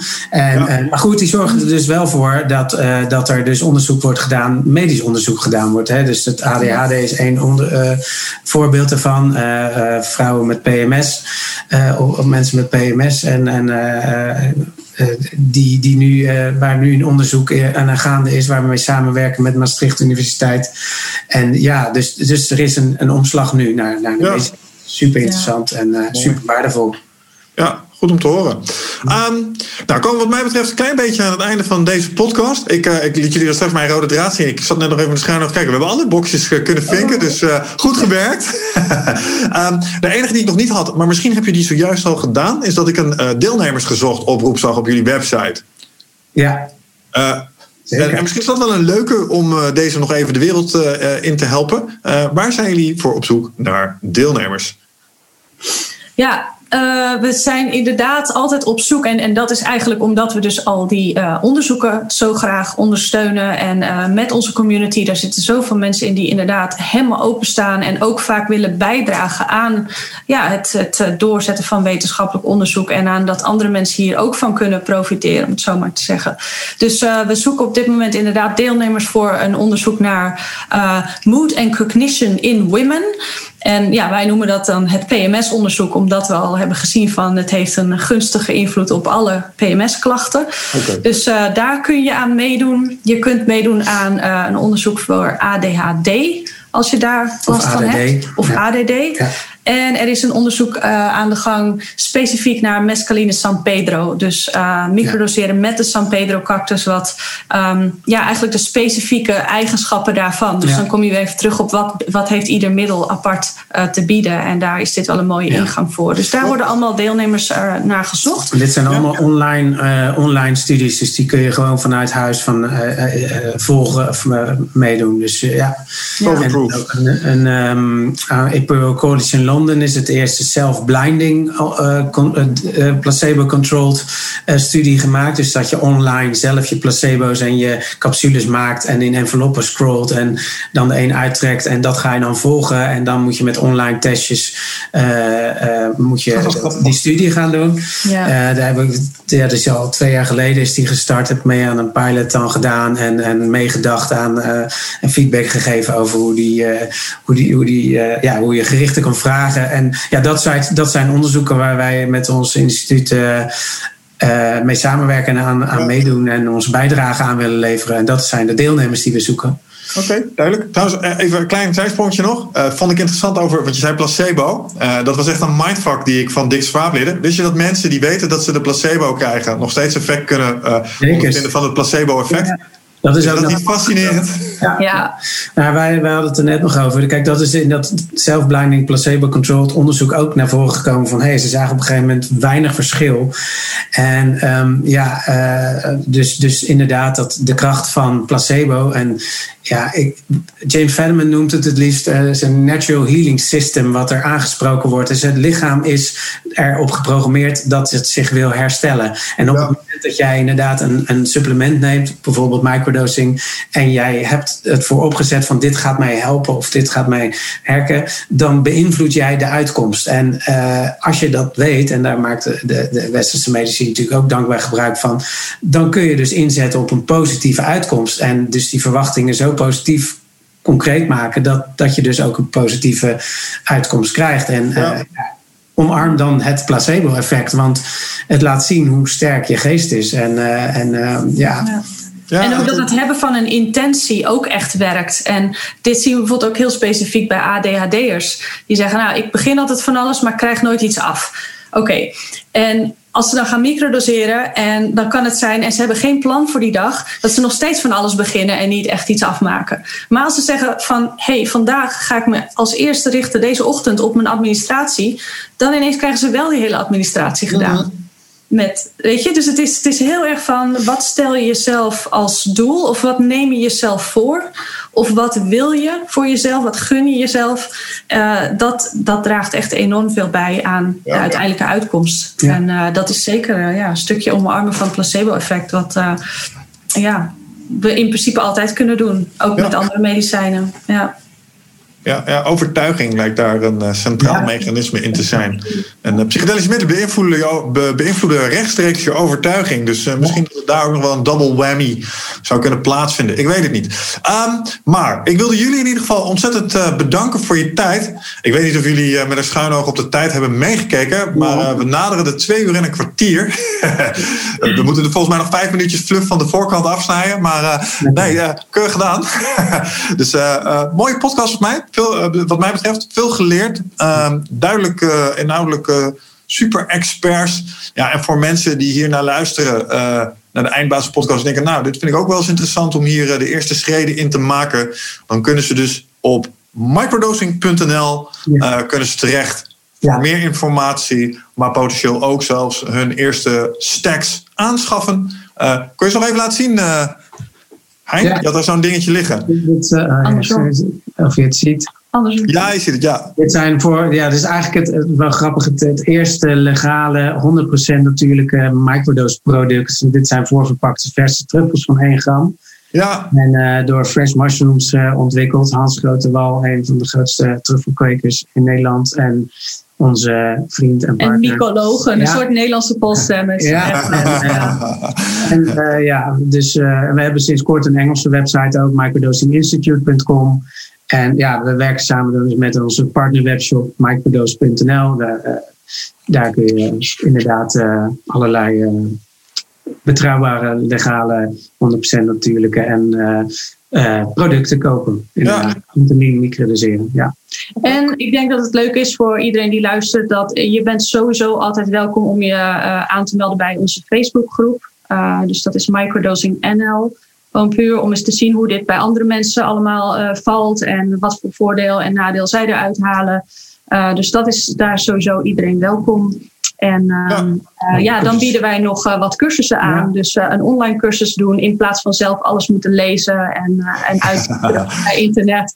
Voor de ongeduldige mensen is ook misschien een goede optie. En, ja online videocursus. Ja. Ja. die kwam 1 februari kwam die live. Misschien gaat deze podcast iets eerder uh, online komen. Maar volgens mij uh, kun je je e-mailadres achterlaten. Mocht je daar interesse hebben, mocht die nog niet af zijn. En dan word je daarover weer op de hoogte gehouden.